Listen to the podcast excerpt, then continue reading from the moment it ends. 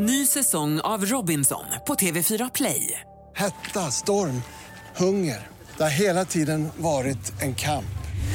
Nu är det blod och tårar. Fan händer just nu. Det. är Detta är inte okej. Robinson 2024, nu fucking kör vi! Streama söndag på TV4 Play. Fotbollsmorgon presenteras i samarbete med Oddset, betting online och i butik. Telia, samla sporten på ett ställe och få bättre pris.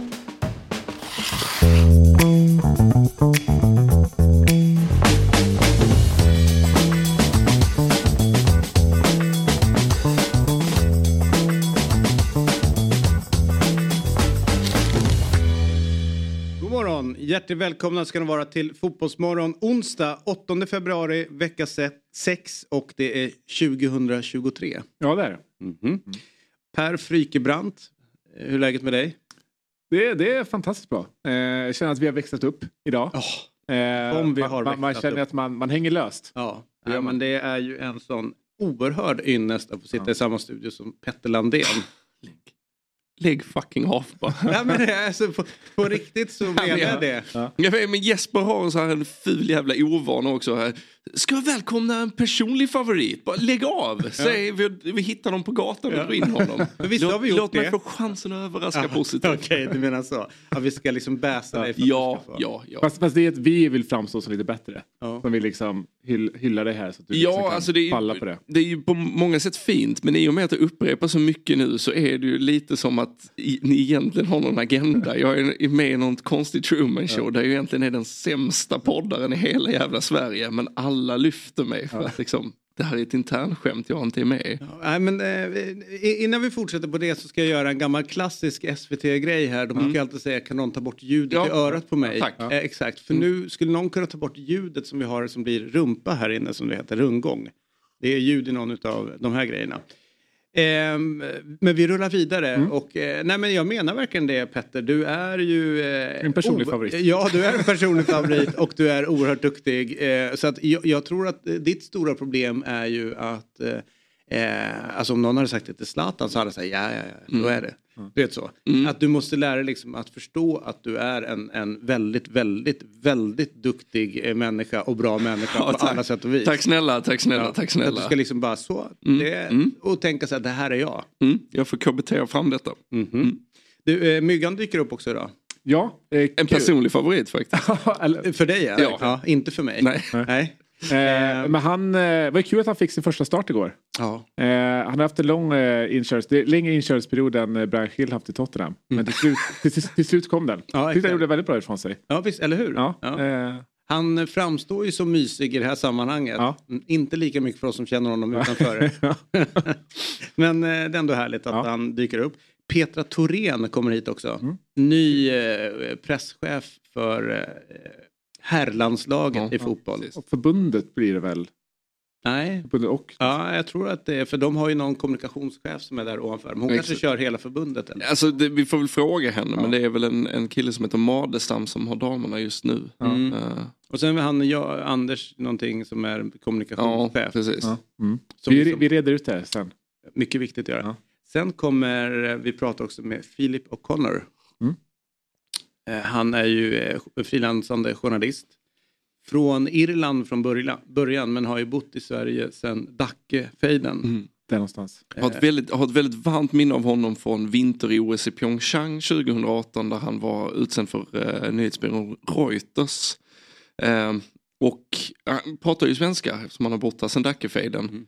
Eh, men jag vet inte om det var eh, en grej att han skulle ta frågor på internationell presskonferens och därför skulle prata engelska och gjorde det även med sig. Ja men eh, norska utövare.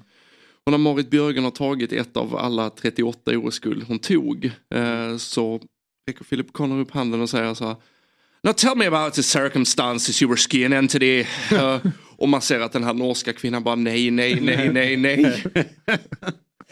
What's it called? You took 30 minutes down. Vä- Väldigt, det satt jag bara och oh vad fint det är. Ja, vi måste ställa honom mot väggen där. Ja, Och utav de, de eh, dialekterna som finns på de brittiska öarna. Mm. Vilken är eran, och, nu slarvigt att säga brittiska öarna men jag räknar in Northern Island och Mm. sen så kastar jag in då plus Irland. Vilka är era favoritdialekter där? Eh, skotska. Alltså, Det är det. Jag, jag, jag skulle inte kunna särskilja Aberdeen från Falkirk eller någonting. Men eh, det händer någonting i mig när, när det blir riktigt jävla skotskt. Ja. Alltså.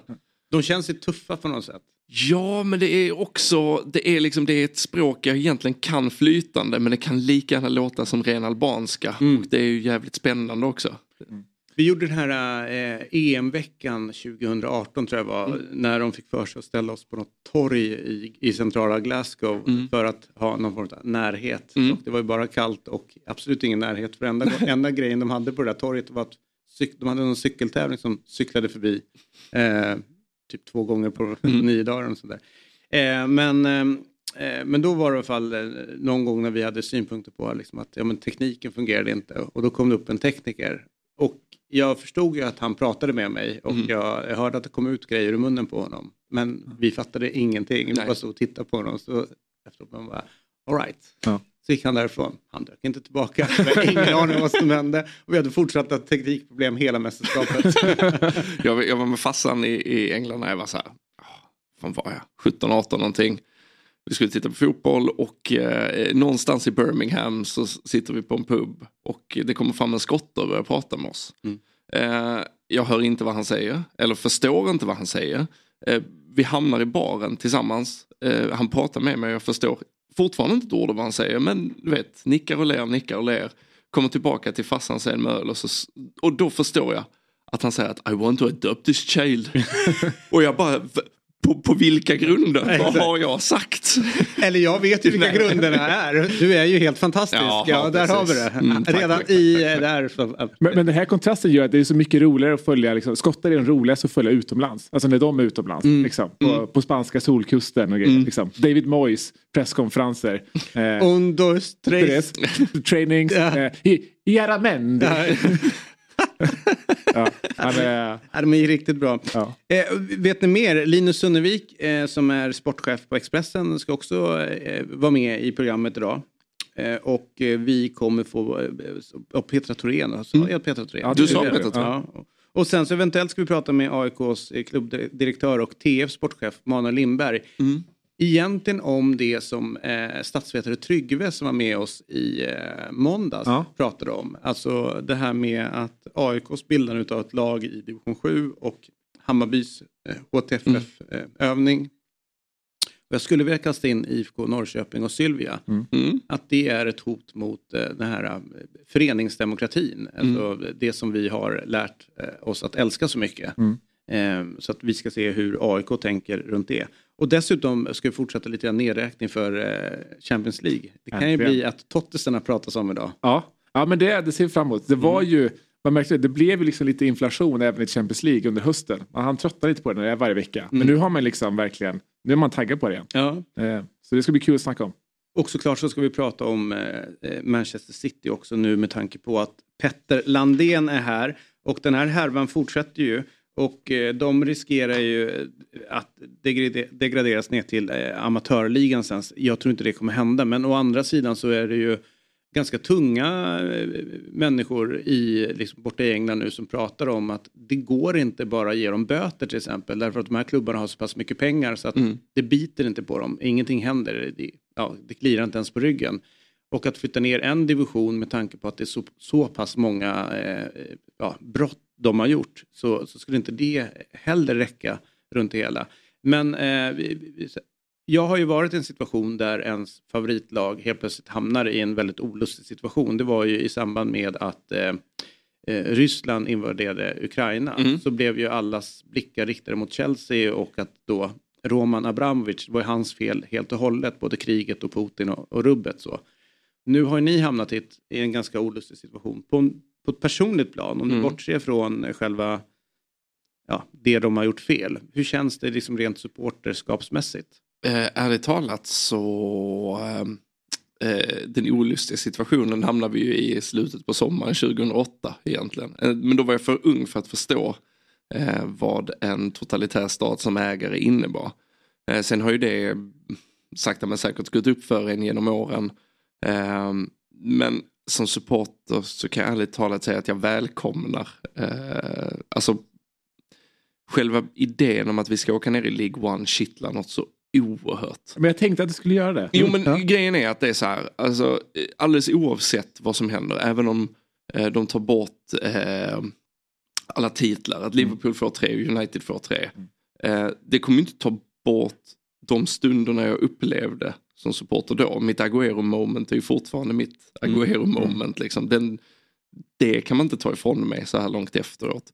Eh, jag kan tycka väldigt synd om supportrar till de klubbar som förlorade mot ett lag som inte spelade med rent mjöl i påsen. Men det är ju inte mitt fel. Eh, däremot så upplev, skulle jag känna att det är ju liksom katarsisen, det, är- det är reningen. Att istället för att City är en fuskande klubb som med en nedflyttning till League One börjar om för att möta Tranmere borta en jävla torsdag eller någonting. Så blir det de fuskande åren. Och vi kan komma tillbaka. Eh, jag, jag skulle välkomna det för att det skulle vara eh, på något sätt att sona det brott som alla vet att de har begått. Alltså anklagelserna är ju nya men misstankarna om fusk har väl vi pratat om i tio år eller? Mm. Alltså, Så är det. så här, jag vet, det är väl bara det senaste året sitter jag och presenterat fyra sponsoravtal med eh, en brevlåda i Singapore. Liksom. Det är ju, så sett är det ju inte nytt. Ehm, så att jag, jag, är, jag är rädd att vi inte kommer bli straffade hårt nog för att hamna i mellanmjölksläge bara. Det är en grej som har dykt upp som folk har sagt är ju då att man inte kan, eh, ja men de titlarna ni har, det går inte att göra något i år. Men man måste ändå ge Italien där att efter Calciopoli, Mm. alltså när eh, Juventus eh, be, ja, fanns då skyldiga till att hålla på och fingrat lite med domartillsättningar och sådana saker. Eh, då kom de ju fram till att men då plockar vi bort eh, några titlar som ni har vunnit och Mm. ger dem till eh, då lagen som Mm. mm. på eller inte vann det året. Skulle det vara en eh, möjlig väg framåt att göra ändå? Det är väl Italien lite som har öppnat dörrarna för det. Sen så tror jag också att det, det politiska klimatet i England har öppnat upp också för hårdare straff. Jag menar, det, att rättvisan inom den engelska toppfotbollen har ju blivit en het politisk fråga. Nu med framförallt liksom, eh, The Crouch Report, nu, nu blev det inte någonting av det under, under Liz Truss men det var inte så mycket annat som blev av under henne heller. Så att det var liksom inte fel på Dro- den. dro- Drottningen dog, det var väl Ja. det som egentligen hände. Exakt. under Trussler. Eh, så det, det öppnar också i sin tur upp för ett hårdare. För jag tror att här, eh, precis som ni är inne på så här, lite böter gör ju inte tillräckligt mycket, eh, får inte tillräckligt mycket effekt. Alltså det man behöver göra i den här situationen, om man från Premier Leagues sida, det man vill göra är ju att ta bort incitamentet för att göra den här typen av fusk. Och då räcker ju inte poängavdrag, då räcker inte eh, lite böter utan då måste man ju på riktigt se till att skada investeringen i sig genom att, eh, att devalvera klubben. Och där är ju en tvångsdegradering, det är typ enda sättet du kan göra det. Om du inte vill liksom på något sätt kanske förbjuda liksom Europafotboll eller någonting sånt. Det går också men det, är, det, är inte, det ligger inte på de- deras, liksom, Nej, eh, deras det, det måste ju Uefa gå in och göra. Precis. Men har de brutit mot Uefa-regler också? Det har de väl gjort då, eller? Ja, de, de, Uefa anmälde ju dem. eh, men det prövades. eh, de stängdes ju av. Det var väl 2020 Uefa Ja. stängde av dem. Varpå de överklagade till KAS, idrottens skiljenämnd. Och fick rätt på juridiska teknikaliteter egentligen. Att eh, eh, det fanns en preskriptionstid och eh, det var någonting med. Jo, Ja. jo ehm, eh, det var väl att delar av beviset kom från det här Football Leaks och du i, på, och, i en Uefa-domstol, Europadomstol, kan du inte presentera bevis som, har, eh, som man har kommit över på eh, illegalt vis. Ja. Men Premier League-panelen är helt annorlunda. Mm. Här ska du inte heller kunna överklaga till CAS. Ja. Så som jag förstår det också kan de, egentligen kan de inte tvångsdegradera. Eh, de kan utesluta ur alltså European, eller European, English Football League-systemet. Så att de hamnar utanför League 2. Eller ge dem tillräckligt med poängavdrag för att de ska åka ut. Det är väl liksom, Mm. de, men de kan inte säga så här, okej vi sätter er i League 1. Nej. Så det är ju Championship eller Vanarama North. Eh, om, om det blir en av de två så att säga. Ja. Föredrar du North eller South? North, Ja. 100%. Nej, men, eh, eh, Jag vill åka till Carlisles dåliga lag och se dem spela. Men för det, det var väl det var Der Spiegels avslöjande där 2018 någonting som liksom drog igång allt Ja. det här. Och, och det, På allvar åtminstone. Ja, och sen dess eh, så, och det var väl då man drog igång den här utredningen som nu är liksom klar. Ja, precis. Där i krokarna. Så Exakt, det, det är en lång utredning. Som Ja liksom- exakt, ja, men precis för att City står anklagade för, jag tror det är 101 regelbrott, det är väl så Disney av dem. Ja. Sheikh Mansour och de 101 regelbrotten. Ja. Eh, från 2000 då, 2008 eller 9 till 2018. Och sen jag har sett ganska mycket reaktioner, alltså, men hur kan det ta så här lång tid? Det har vi ju vetat om. Men ska du ju möta världens mest välbetalda advokater så ska du nog se till att underbygga ditt case jävligt tungt alltså. De har ju plockat in då en som heter Paul Harris och Lord David Panic. Eh, pastor. Panic är ett väldigt ja, bra namn. Ja, exakt. Ja. Alltså, vill man framstå som oskyldig ska man inte anlita Lord Panic. Nej. Det är liksom... Och de är båda bär då Kings Council alltså, eh, Mm. titles. Alltså, så det, är ju, det, är ju, det är ju fina titlar de båda två traskar runt med. Men rapporteras tjäna ungefär lika mycket som Kevin De Bruyne på att bara försvara klubben. Och Kevin De Bruyne tjänar ju alltså, sjukt mycket Mm, pengar varje vecka. Eh, Så att det, det, det känns ju som att det är en pressad eh, ägare ni sitter där Ja, ja, med. Som, givetvis. Kan man då säga att de är Englands bäst betalda försvarare? ja, det skulle man Ja. kunna säga. On and off the field. Ja. Ja, precis. Får se vart de får betalt ifrån. Ja, exakt. Om det blir en brevlåda i Dubai. Ja, exakt. ja, exakt. Ni, ni får bara det här, Ja, men eh, ja. kom ner till eller Abu Dhabi så, Ja. så finns det lite mer pengar där. Kanske ligger ett kuvert när ni checkar in. Men du, vi, vi får se vart det där tar vägen helt Ja, enkelt. det, det Eh, tråkiga är väl att det här skulle kunna pågå i år. ja, men det tror jag. Jag tror att Mm. det kommer snurra på i, i fyra, Ja, fyra fem, säkert. fem år. Säkert. Därför att det blir ja, överklagan och sen ska det där in. Bara lite snabbt innan vi eh, pratar med Philip O'Connor eh, så är det så att i Italien så kommer ju rapporter om att Zlatan eh, är ja, men, typ spelklar Mm. och ska in och lira i helgen. Är inte det lite häftigt? Jo, alltså det är som Malmöit kan man ju känna sig jävligt sviken. Mm. Eh, att eh, Jesus gick och blev Judas Ja. eh, lite. Eh, Lite och- väl snabbt. Ja. Ja, och det, och det gör man. Men jag vet inte. Jag, det, det kanske också är på samma sätt som att jag eh, som förälskade mig i Man City som barn och inte kan liksom kicka det beroendet. Eh, på samma sätt så jag såg ju Zlatan som barn. Det är ju fortfarande, när jag ser honom med en boll vid fötterna så är det ju fortfarande, Mm. Då jag liksom Petter 11 år igen och bara sugen på fotboll på något sätt. Så du, har du sett eh, den här tv-serien Jag, eh, jag är Zlatan? Eh, så är det filmen? Ja, Eh, och, och liksom hela hans uppväxt och sådär. Mm. Det är klart att eh, då känner man att där måste det finnas en stolthet oavsett vad. ja det, gör, det gör ju det. Det är ju liksom, det är ju, det är ju vår påg. Ja. Det är ju det. För det känns, så- för det, Milan la ju upp bilder från, på Zlatan eh, igår. Det var ju första bilderna på när han tränade. Och det känns ju väldigt så här, italiensk kris. Att säga, ja han kan springa nu. Mm. På fredag ska han lira. Eh, det, vi får väl se hur det går. Men å andra sidan så är det ju sällan man ser en så vältränad 40 plus Ja. människa Eh, som ja. han är. Han fyller 42 i år. Han är Ja, 41 år precis. Han är, gammal. 80, nej, han är 81. Ja, Ja, precis. Ja, Vi är 2030, 2023 nu. ja, att exakt. det- Eh, men alltså, det är ju helt enormt. Och sen säger de det här är nog sista året han Mm. spelar. Men det skulle väl vara härligt om han fick ett helt år till istället för det här. eh, Ja, alltså, avsluta med en knäskada och sen komma tillbaka för att inte bli uttagen till Champions League-truppen och sen sluta när Milan har ett misslyckat år. Ja. Det är ju inte Zlatans slut. Nej det är det inte. Det är det verkligen inte. Och det känns som att han vill gärna regissera det där eh, så att det blir snyggt själv. Mm. Alltså avskedet från PSG så här i backspegeln är det ju fan nästan lite liksom det är perverst liksom. Mm. Att motståndarlaget stannar och applåderar honom. Ja. det är så jävla konstigt. Men ändå mäktigt. Ja det är ju va. Men vad- Eller tror att han var, de var tillsagda utav eh, ordförande där i PSG att ta ner och... Det kanske låg ett kuvert på Exakt, deras... det ligger ett kuvert i omklädningsrummet om ni applåderar Zlatan när han kliver av. Man känner annars att på tal om tvångsdelegering. Om nu Juventus flyttas ner. Mm. Går han tillbaka dit då? För att bara säga ja, men jag, jag tar igen det jag liksom fuckade upp för några år sedan när jag gick. Och så spelar upp dem i Serie A igen. Det blir sista året. Eller City. Ja. Ivan Raman North. Ja, För att spela upp dem där. Ja det hade jag uppskattat. Det ligger ett kuvert nere i Abu Dhabi. Om du bara kommer hit och spelar upp oss igen så, så du kan spela är 50 i de här jävla serierna. Eh, all right, så här är det. Eh, förra veckan så eh, ramlade jag över en debattartikel i Journalistförbundets tidning. Och då tänker ju folk så här, jaha, har Fjäll den? Jajamensan, den ramlar in hemma hos mig. Om mediehusens brist, bristfälliga bevakning av damfotbollen. Och eh, normalt sett kan jag tänka sig, ja men det är ganska, folk sitter och raljerar om, om en det ena om det andra.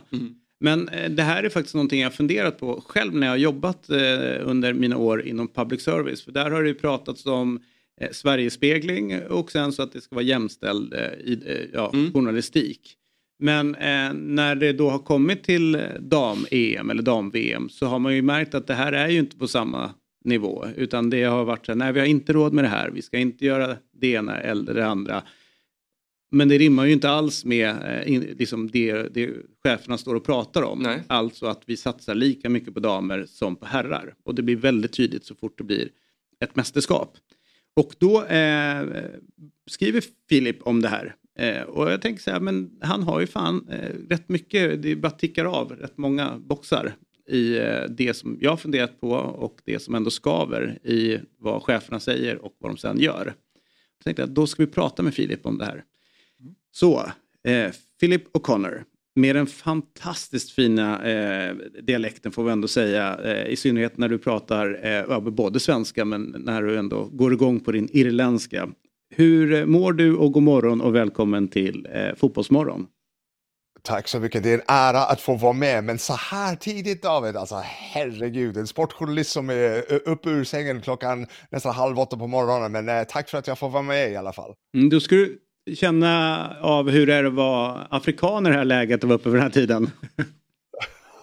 det är ganska tufft alltså. Det är, eh, du vet, man jobbar sent på nätterna och sen så sitter man och väntar på att LeBron ska ta poängrekord i NBA och allt det här. Alltså. Så det, jag kan ta mig en liten snus efter det här, definitivt.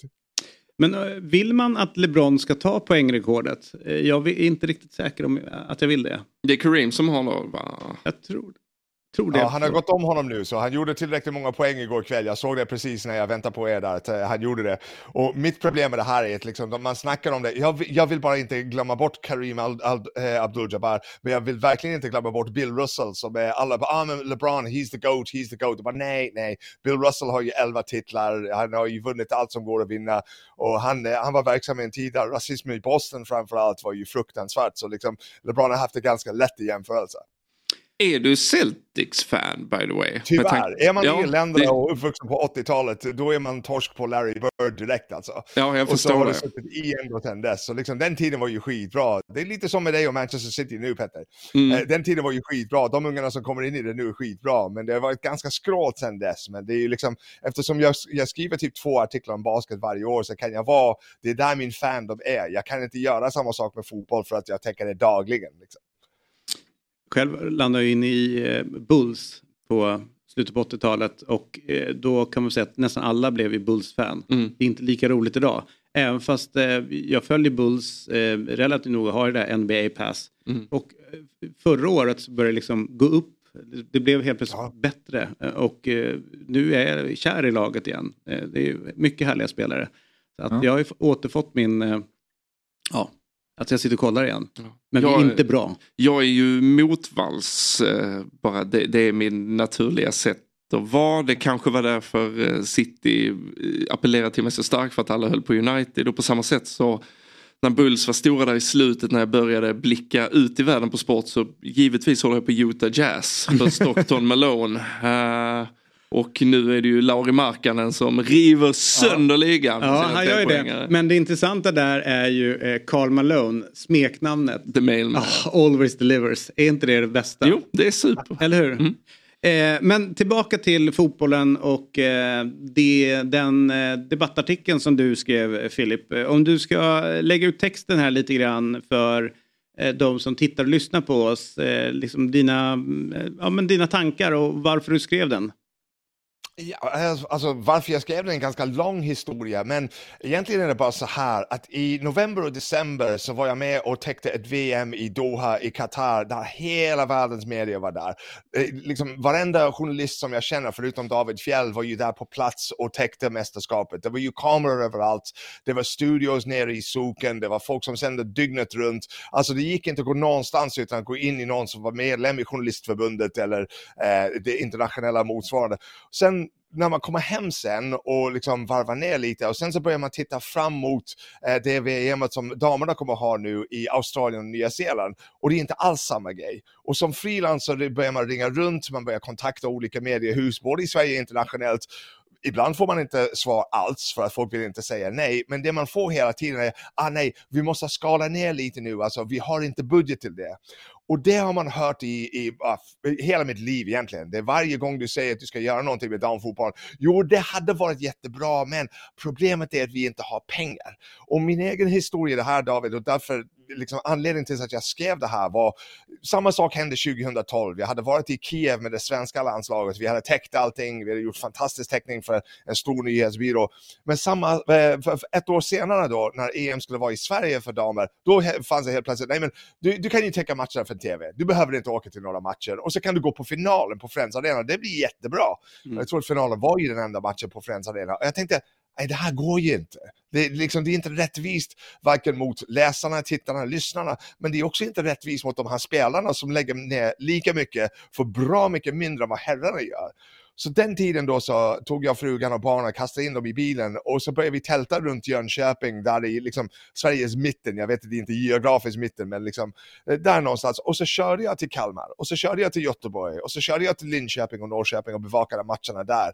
Och det är ganska blygsamt vad en person kan göra, men jag gjorde det för att bevisa att det jag skrev för en nyhetsbyrå skulle användas det gjorde det, men än har ingenting riktigt förändrats. Det är fortfarande det här nu av att om jag kontaktar ett mediehus i Sverige utomlands så är det det här att, ja men lyssna, vi har ju inte riktigt pengar för det, men om, om du befinner dig på plats så kan du jättegärna höra av dig och, och då kanske vi kan ta någonting.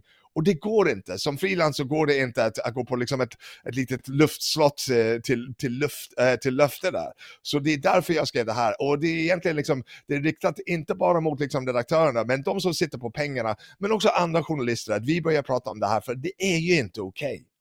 Okay. Eh, varför tror du att det är så att mästerskapen dam prioriteras så pass mycket mindre än herrarnas?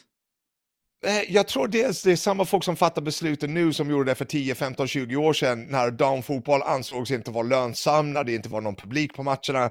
Liksom, det, det, finns ju vissa grejer, du vet att jag åker till Las Vegas ibland och täcker UFC också. Mm. Och det mm. finns ju fortfarande folk som inte fattar att MMA är en stor grej, att det finns en stor publik, en ung publik som vi alla vill åt som journalister. Och jag tror det är samma sak med, samma sak med damfotbollen, att man ser det fortfarande nästan som man gjorde på 80-talet. Alltså. Så innan VM i Frankrike för för, eh, nu blir det snart fyra år sedan, så pratade jag med Pia Sundhage om det här. Jag höll på att skriva någon artikel, så ringde jag henne och jag tänkte liksom, jag har ju sett successivt att bevakningen går upp, men jag ser samtidigt att man, man tilldelar inte de resurserna. Det är ofta folk som jag som sitter här framför min TV och som skriver om matcherna. Jag är inte på plats alla gånger. Jag är inte på alla presskonferenser, jag är inte i alla mixade zoner och lär känna spelarna och uppleva saker och ting själv. Men jag sa till Pia Sundhage då i typ maj 2019, eh, jag sa, är det här tror du en vändpunkt, en brytpunkt för damfotbollen? Alltså som Filip, om jag hade haft en 50-lapp för varje brytpunkt punkt som hade kommit, ja, och nu är det dags, då har jag haft bra mycket mer pengar än vad jag har idag. Så hon trodde inte på det, men jag tror att någonstans så hände det någonting där. England tog sig till semifinal, nu har de vunnit EM och det. Och folk säger, ah, men okej, okay, nu finns det en publik, eh, så, men de vet inte vad de ska göra åt det. Och tills att de ser det i rena siffror, liksom, att okej, okay, skriver jag om eh, vem som helst, Beth Mead, så kommer jag att få x antal klicks eller views, så att jag kan säga det till annonsörer. Vi är fortfarande kvar i den världen. Och det är därför jag är lite mer kritisk mot public service som ju har i uppdrag att bevaka det oavsett om det tjänar pengar eller inte, eller de folk som tittar eller inte. De har ju ett uppdrag att, som du sa i din fina inledning, att de ska spegla Sverige och att vi ska spegla världen i världens public service. Mm. Eh, Petter, du som eh, mm. jobbar på, eh, på ett av de här eh, större mediehusen, hur upplever du eh, skillnaden eller om det finns en skillnad? Eh, alltså jag, jag, kan definitivt Eh, hålla med om att när jag började, nu är det nästan tio år sedan, eh, då tycker jag också att eh, om vi bara pratar strikt landslag, definitivt att damerna var underprioriterade, utan utan tvekan. Idag har jag nästan min stora oro gällande täckandet av, av damfotbollen är att damlandslaget ska förvandlas lite till vad handbollslandslagen har blivit för oss. Att vi hårdbevakar under mästerskap, att själva landslaget i sig är väldigt relevant för publiken. Där kan vi också visa upp trafiksiffror som är väldigt bra, vi kan se ett engagemang för det. Men det följs aldrig upp på samma sätt som herrfotbollen. Eh, att nästan damlandslaget, okej okay, mästerskap, jättestor grej. Men när Rosengård möter Piteå sen, där finns inte planen, det finns inte det naturliga att nu bevakar vi detta. Um, så i, idag skulle jag säga för oss i alla fall att mästerskapen är lika starkt prioriterade. Men det handlar om bevakningen före, eh, efter. Som, där tycker jag fortfarande att det finns en skillnad. Vad tänker du kring det Filip? Eh, jag tycker Petter har ju helt rätt i, alltså, och det är det är nästan irriterande att det blir så. Liksom. Folk är faktiskt kära i landslaget och det är liksom på det viset många blir intresserade. Men jag tror att vi måste ju sträcka upp handen också och säga att okej, okay, varför är det så? Och jag vet att det bara finns ett visst utrymme och så vidare. Men jag tror att eh, när jag kom till Sverige först, så det man visste om Sverige 1999 var ju det här fina IFK Göteborgslaget som hade gjort så bra ifrån sig i Europa. Det hade man hört.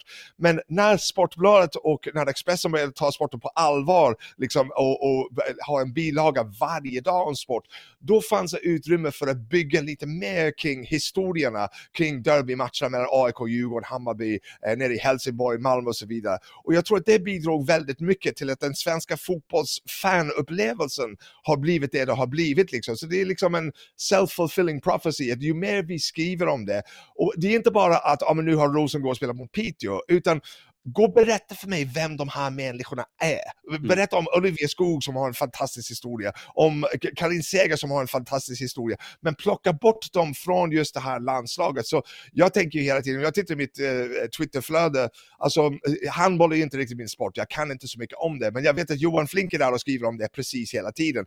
Och det får ju liksom, det känns för min del i alla fall, att det får en djupare bevakning, även om det inte speglar sig, eh, och även om det är bara landslaget som är jättestort där. Men det känns som handbollen är tagen mycket mer på allvar. Och där tycker jag att vi har en, ett jobb att göra. Liksom, att har vi de här resurserna, kan vi göra de här längre intervjuerna? Kan vi satsa på poddarna? Kan vi satsa på en liksom, eh, vad heter det, Drive to Survive, den Formel 1-grejen som visades på Netflix, fast för damfotbollen. För det är på det viset, vi har ju alla pratat nyss om basket liksom. Och min kärlek till, till Bill Russell och The Boston Celtics och Larry Bird. Och din David, det kommer från Michael Jordan. Och det är för att Jänkare är så jävla bra på att få dig på kroken. Och det har vi missat här på någonstans. Och det är inte bara journalisters fel. Det är inte vi som ska sitta och säga okej, okay, nu ska vi marknadsföra den här sporten. Det har ju varit liksom kalla handen från förbundet i väldigt många år, inte minst i mitt Irland. Det har varit fruktansvärt hur damerna har behandlats där. Men jag tror ju på sätt och vis, det är upp till oss att starta den här diskussionen för att vi kan. Och att se över det, bara okej, okay, måste vi verkligen ha liksom en sjätte fotograf eller matchreporter? Kan inte vi ha liksom fem där och skicka en till Australien istället? För det handlar inte bara för min del om det svenska damlandslaget, för det får ju väldigt bra täckning och spelarna i den får ju väldigt bra täckning. Det måste jag medge. Men jag kan ju inte så mycket om det tyska landslaget, damlandslaget, för att jag får inte se dem, jag får inte höra någonting om dem. Hade det varit här fotboll så hade jag vetat allt om dem innan mästerskapet. Så det är inte bara svensk damfotboll och svenska damlandslaget. Vi måste bredda ytterligare på alla fronter. Så att liksom, det är ju svårt, liksom, publiken är ju mindre, men det kommer inte att växa om vi inte täcker det ordentligt. Nej. Du, eh, tusen tack eh, Filip för eh, ditt inspel och dina tankar eh, denna morgon. Eh, vi lär ju återkomma, tror jag, längre fram när vi börjar närma oss VM till sommaren. Eh, vi ska alldeles strax också prata med Linus Sunnevik, sportchef på Expressen och se hur han ser på på det här med om det är en bristfällig täckning runt damfotbollen. Men passa på att ta en 30 minuters stödvila nu innan du går igång och börjar jobba med dagen. Det ska jag göra. Tack ska ni ha grabbar. Ha det gött. Tack, tack. tack. Eh, jag, jag, kan ju tänka då också så här att eh, Filip säger att man eh, att de ska täckas mer. Jag håller helt med. Problemet är ju att om man jämför också tillgängligheten mellan herr och damspelarna eh, så är det ju inte ovanligt så att man överhuvudtaget inte får svar. Eller vi får inte mm. från när vi mm. försöker kontakta damspelare medan herrspelarna ställer upp. Mm. Och där känner vi också att det vore väl ganska bra om eh, liksom, att damerna inte gick i den riktningen som herrarna gjort och stänger igen utan mm. kanske försöker liksom se okay, hur kan vi hitta en annan väg framåt där, där vi har en, eh, liksom en större tillgänglighet och, och där till slut, du vet ju själv, liksom, mm. då, ja, ja. till slut slutar man jaga mm. eh, spelare. Mm. Och framförallt om man inte får något svar överhuvudtaget. Medan landslagsspelare på herrsidan, de får vi tag på. Mm. Både om man har tur internationella eh, som spelar för andra länder men i synnerhet de svenska herrspelarna. Mm. De, de är ganska lätta att få tag på. Så att, jag förstår inte varför damfotbollen väljer att gå liksom, och ta efter de, de dåliga sakerna Nej, från här men är det, kan det inte vara, fan vi ska inte bli uh, Mattsson Helin-podden för mycket. Nej. men eh, givetvis så blir det någonstans att herrfotbollen med tanke på att det är liksom längst fram i utveckling vad gäller pengar och professionalitet och förutsättningar och så vidare. Att det blir måttstocken någonstans och det är klart att man tittar på okej okay, vad gör de? Eh, och att det blir ett slags benchmark för att det är så här man är om man är proffs. Liksom. Mm. Det är så här man ska göra. Eh, och jag håller med dig, det är ju ur ett medialt perspektiv så är det ju förödande att stänga in sig, eh, öppna upp istället. Eh, ta handbollen där igen som exempel som världens mest tillgängliga landslag egentligen. Du får mm. alltid tag på dem. Mm. mm. Om du vill det. Jag vet att Kosse var ute och sa att hon tycker inte att journalister ska bara ringa.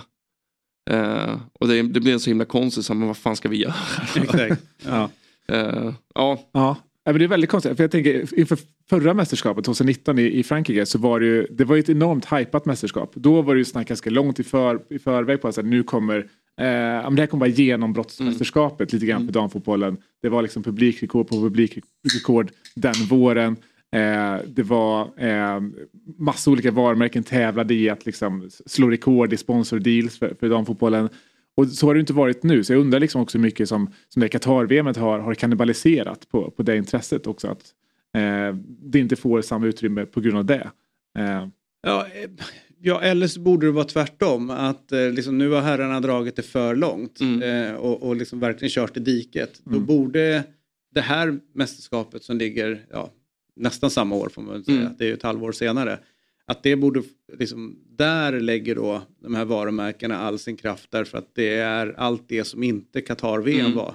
Så det borde ju liksom vara den motreaktionen kan man tycka. Mm. Ja, absolut. Eh, sen så finns det också, men jag tänker på, på Fifa och Uefa har väl också en del med så som de har paketerat rättigheterna tidigare. Nu vet jag inte hur det är i det här mästerskapet, men tidigare i alla fall förra VM så var det så att köper du herr-VM då får du dam-VM på köpet. Nej, så är det inte nu. Det, är ju, eller det tror jag inte. Eller hur det nu är. Jag vet att via Play är det väl, TV6 är de som tror sänder ja. dam, eller det vet jag att det är de som gör. Mm. Medan eh, SVT och TV4 ligger väl kvar och snurrar med herrmästerskapen. Så mm. där har de ju de separerat ja. Eh, mästerskapen ja. fullt ut. Mm. Så att, där börjar de liksom stå på egna ben. Men jag tror ju verkligen att det är tillgängligheten. att att bygga upp de storiesarna, berättelserna. Alltså, herr, herrspelare blev ju, om man backar bandet tillbaka, eh, ja, men allt från Hyséns och mm. vad de nu heter som blev väldigt stora, så var det ju tillgängligheten. Mm. Eh, att vi lärde känna dem verkligen ordentligt.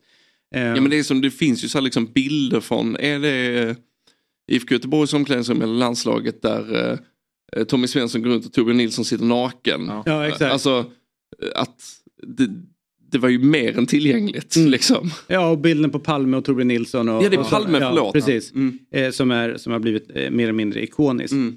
Vi, vi, ska kolla också en som då sitter och avgör var resurserna ska läggas någonstans. Och han, den här eh, underbara, får jag ändå säga, Eh, eh, människan inledde karriären som skribent på Svenska fans. Han har varit inne och snurrat på fan-tv. Kom in tillsammans med en som heter Björn Jonsson. Det var okay. de två som kom in eh, ungefär samtidigt. Eh, dock eh, så gick han ju sen vidare, bland annat till Offside. Eh, och sen så tillbaka till Svenska fans där han varit chefredaktör och sen så har han varit på Expressen en vända innan det, innan ja, han kom tillbaka nu där han då är uh, the big boss. Mm. Och det är ju... På tal om det, jag kommer lite sent idag Linus. alltså, och det är ju Linus eh, Sunnevik som, som vi såklart ska prata tillsammans med och eh, apropå coola resor så är ju Linus resa någonstans häftig tycker jag som har följt den ganska nära. Men det, har, det, ska vi inte prata om nu. Eh, nu är du i egenskap som sportchef eh, på Expressen. Linus Sunnevik, välkommen till eh, Fotbollsmorgon. Hur är läget med dig? Ja men tack David, det var det var väldigt fina ord. Det var, det var en bättre start på den här onsdagen måste jag säga. Det, så det, det är bara bra. Tack! Eh, du kanske hörde det eh, vad frilansjournalisten Philip O'Connor eh, mm, pratar om vad gäller mediebevakning av damfotbollen. Han kallar den för bristfällig. Eh, hur ser du på det? Ja, eh, jag var inte med hela, hela diskussionen. Jag hörde någon halv minut. Men Ehm, det kan man väl, eh, om man tar på, jag tror man ska hålla isär liksom damlandslaget och damallsvenskan och det även den internationella damfotbollen lite grann. För att eh, landslaget tycker jag faktiskt att vi har varit ganska bra på de senaste åren. Det finns väl alltid utrymme för förbättring, men där gör vi inte speciellt stor skillnad på herr och damlandslaget. Men klubblagsfotbollen kan jag väl tycka att det, det går lite i perioder. Det kan bero på vilka som har rättigheterna. Det kan bero på eh, vilka spelare som är heta hemma i Sverige, vilka som, vilka som är tillgängliga internationellt. Jag hörde lite på er diskussion om tillgänglighet där också och, och tycker den är intressant. Eh, så eh, landslaget tycker jag väl faktiskt att vi har varit ganska bra på, i alla fall de senaste åren och kommer fortsatt vara det. Men klubblagsfotbollen kan vi nog steppa upp lite bättre på. Eh, om du eh, jämför då den bevakningen ni hade ute herr-VM i Qatar och den ni planerar att ha i, för dam-VM då i, till sommaren. Hur mycket kommer skiljas där? Med antal människor som ni skickar ner och, och så vidare.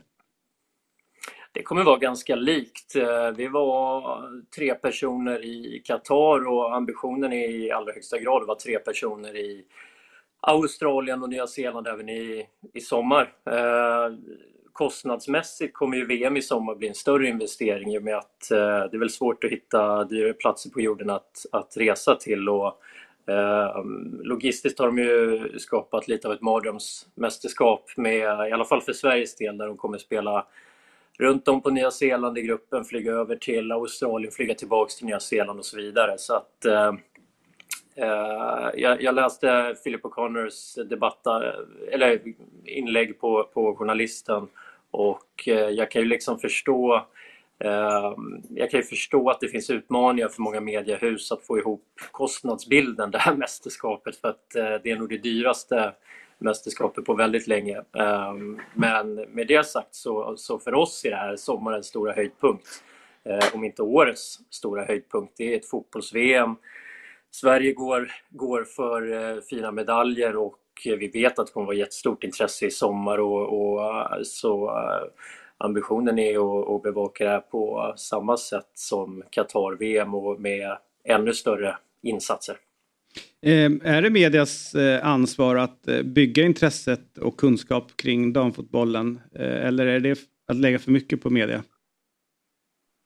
Ja, men det tycker jag, jag tycker absolut man kan, man kan liksom eh, ansvar, uppgift, det, det blir liksom definitionsfrågor lite sådär och hårklyveri. Men jag tycker eh, definitivt om inte annat för vår, vår, egen framtid och vad vi tror intresset kommer ligga även i framtiden så är det klart att eh, det är högt på vår agenda att bevaka om man nu ens ska dela upp det så i damidrott och, och herridrott men om man tar liksom just fotbollen där, där den diskussionen alltid är levande så så eh, har vi märkt i många år liksom att damlandslaget genererar bara mer och mer intresse i princip. Och väldigt kul att se när, när våra internationella stjärnor ändå växer mer och mer. Alltså Kosse, Rolfö, Blackstenius på gång nu väldigt mycket och, och såklart liksom de vi har haft historiskt. Men, men man märker att de tar ännu mer plats och kanske falla in lite, det kommer de här baksidorna också som är fotbollen, att det är svårare att få tag i dem och, och svårare att kunna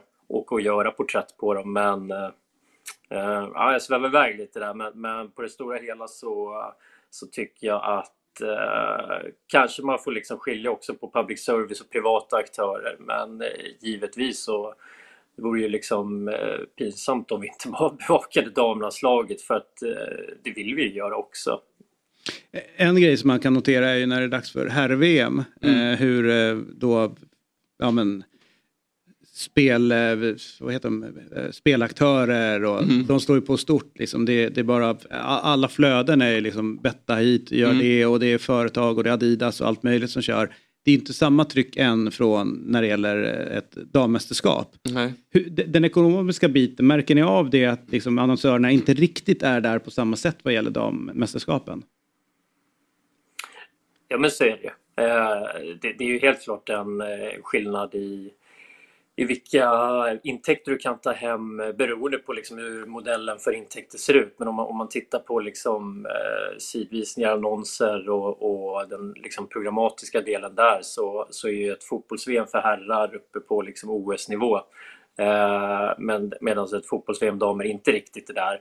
Eh, och sen vad det finns för förklaringar till det om, om, om en del kan vara liksom att säga att bettingen är väldigt stor på herrfotbollen men inte på damfotbollen. Vi vet ju alla att det är ofta spelbolag som är, som är intresserade av att, att eh, investera pengar för synlighet i samband med mästerskap. Eh, det kanske är en förklaring, jag har inte funderat så mycket på det. Men eh, ja, svaret är ju ja, det är en stor skillnad.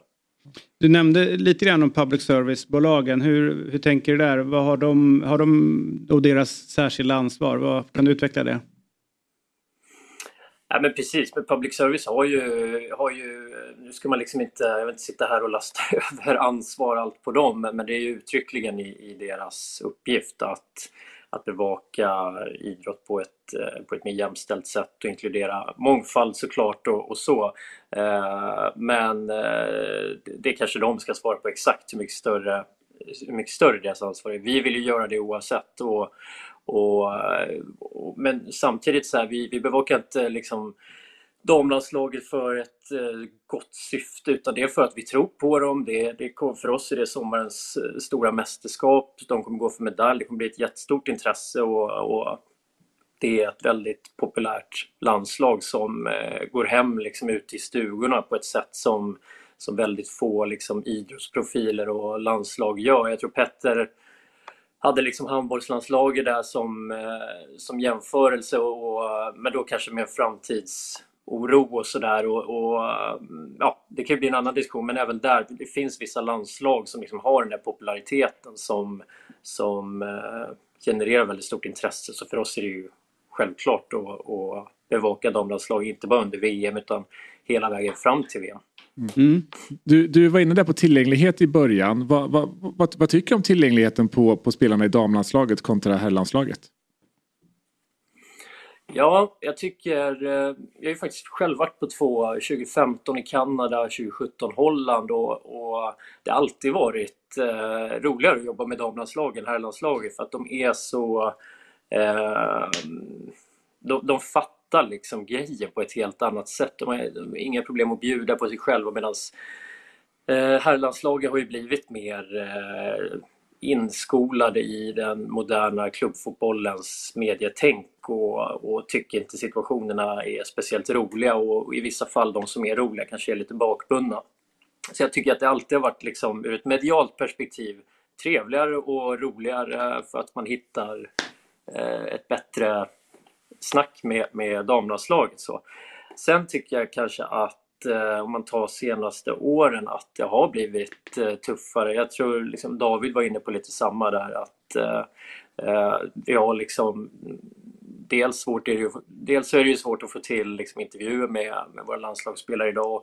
De behöver ju inte ens spela utomlands för att vara otillgängliga trots att man försöker i, i liksom ett halvår med att få till en intervju. Så kan det vara svårt. Eh, jag vet inte riktigt vad det kommer från. Jag har inte haft känslan att liksom förbundet på något sätt har velat stoppa det utan att det är de internationella och, och vissa svenska klubblag som vill ta steg i den riktningen som här fotbollen har gått, tyvärr. Mm, verkligen. Du eh, Linus, tusen tack för att du var med oss den här morgonen. Igår var det ju tankens dag. Man skulle nära positiva tankar. Så jag tänker att vi ska hålla fast vid det även idag. Att, eh, att låta tanken eh, ta oss till höjder som vi inte visste var möjliga. Så att, eh, håll fast vid eh, de positiva tankarna även denna dag. Tack New Age David. Oh, tack. Jesper, vilka tror du vinner Premier League? Jag tror faktiskt att Arsenal inte missar det här läget man har eh, skaffat sig nu i ligan, de ser alldeles för bra ut helt enkelt. Mm. Vad tror du om Champions League? Nej, men det måste väl vara Citys tur då. I synnerhet då om ligan går till Arsenal så tror jag att det blir all in på Champions League och den här gången lyckas Pep. Mm. Ja, jag tror mer på eh, PSG. Jag tror att det är dags för Mbappé, Neymar och Messi att tillsammans lyfta den där Champions League-pokalen. Eh, så att, eh, spännande blir det i alla fall och oavsett så blir det väldigt roligt att slutspelet drar igång nu den 14 februari. Och eftersom vi gör detta avsnitt i samarbete med Telia så vill vi passa på att berätta att slutspelet av Champions League ser man hos Telia. Dessutom är ju Premier League tillbaka hos Telia igen så nu kan du verkligen samla alla sporter, matcher och ligor på ett ställe. Och det här stället vi pratar om är ju den fantastiska tjänsten Telia Play. I appen Telia Play kan du streama alla matcher live eller i efterhand om du skulle vilja det.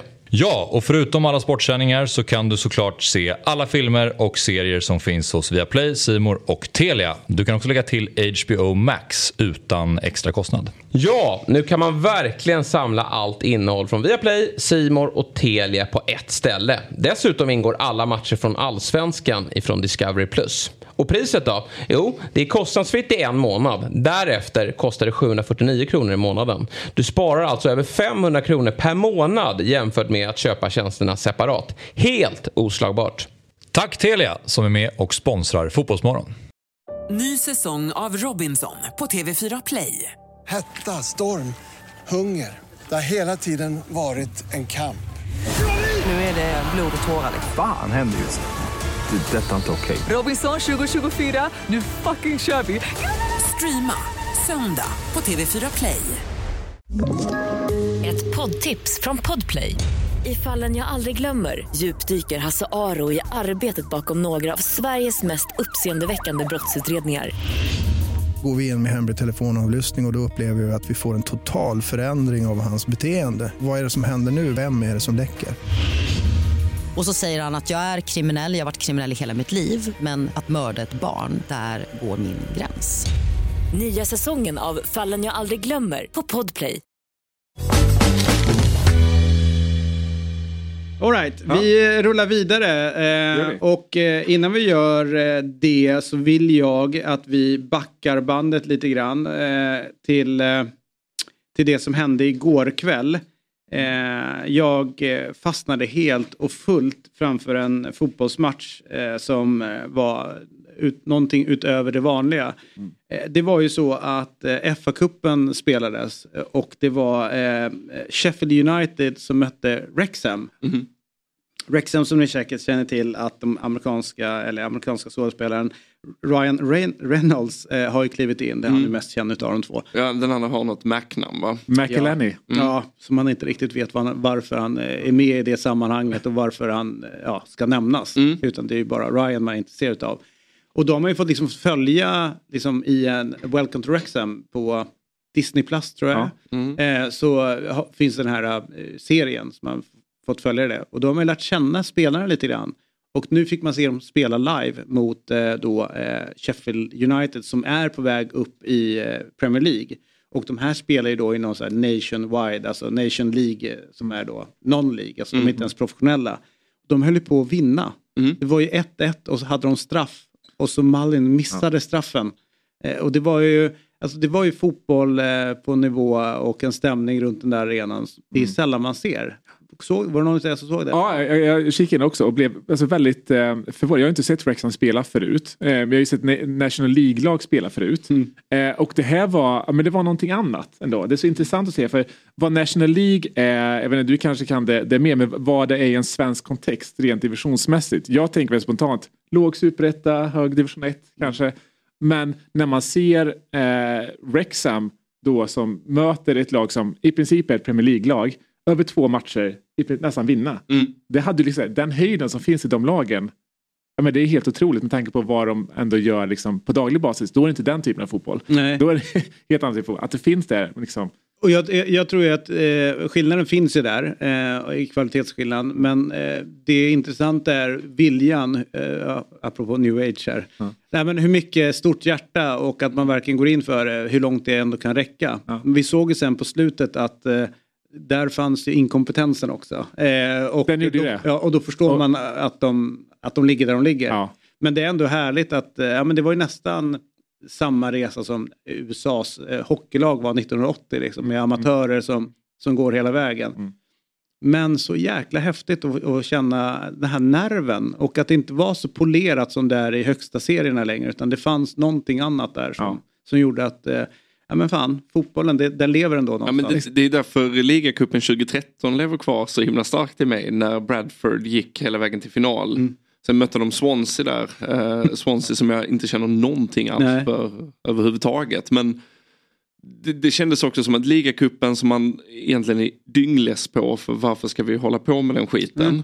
Eh, men när Bradford liksom gick hela vägen och liksom Wembley fylls av Bradford-supportrar som inte ens visste att de var Bradford nästan. Eh, och man bara känner att sånt här kan hända. Den här magin kan uppstå även i den här hyperkommersialiserade världen. Nu är väl Wrexham ett dåligt exempel på Ja, liksom. men, eh, men likväl, det, det, det fångar en på, på något sätt och the, the magic of the cup finns ju fortfarande Ja. i England. Ja, Och det, det är, det. det är jävligt viktigt alltså. Och det, och det är viktigt att landa in i de här matcherna. Alltså när, man finns, när man får en chans att se eh, liksom någon, en, någon tydlig underdog, då måste man kolla på den.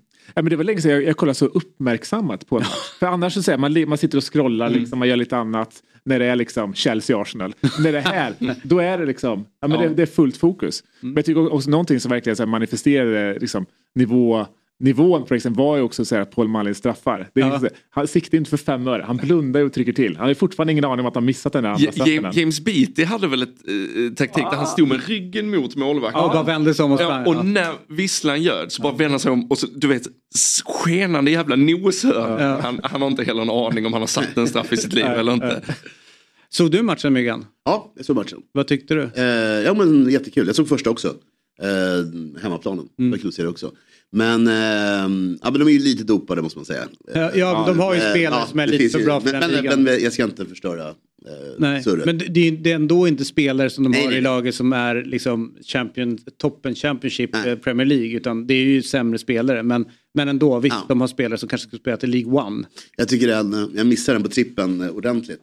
Grimsby vann 3-0 mot eh, Luton. Luton, Mm. Den är ju nästan, eh, ja, 3-0 är stort. Det är stort. skiljer mycket, de gick ju upp ifrån Nations League i, i år. Liksom, Mm. så De är nykomlingar och i botten av Och, det- och det intressanta där är att en del lag är ju tillräckligt bra för att spela i the professional League men de får inte ta sig upp till, dit därför att eh, arenan måste hålla en viss standard och ägaren måste ha en viss inkomst eller ha tillräckligt mycket cash och så. Så att en del lag som spelar i eh, Nation League är ju nästan bättre än del som är inne i the professional League Mm. men har inte faciliteterna för det. Så att det är svårt att helt, liksom, likt Sverige säga det här är division 4, det här är division 3 utan det finns andra eh, kriterier för att ta sig in i the professional League i, i Mm. England. Jag tror bara i Londonområdet så finns det, eh, som är non-League, så finns det 14 divisioner. Eh, så att det, det, det, det, Ja, men det, det är där det äh, när jag försöker översätta till Sverige.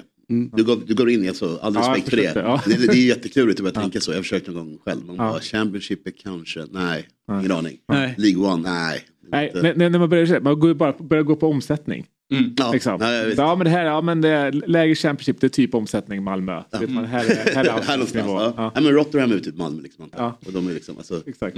hemskt nog. Och apropå det du säger det, han Viktor eh, Johansson eh, som eh, ja, kommer då från, eh, härifrån Stockholm från början och spelat runt i, jag tror, Bayern va? Gjorde han sin Bäst första... i Championship. Ja, eh, Championships Målet. bästa målis. Ja, eh, och varit i Leicester innan det och värvades till Aston Villa tror jag första vändan och, nu då är Rotherham som de har köpt loss honom eh, och går som tåget. Det är ju en sån häftig fotbollsresa. Ja, det är konstigt. De här, det var lagen i toppen släppte in väldigt lite mål också. Så Mm. att han, men han vinner ju fem år i rad. Nej, häftigt.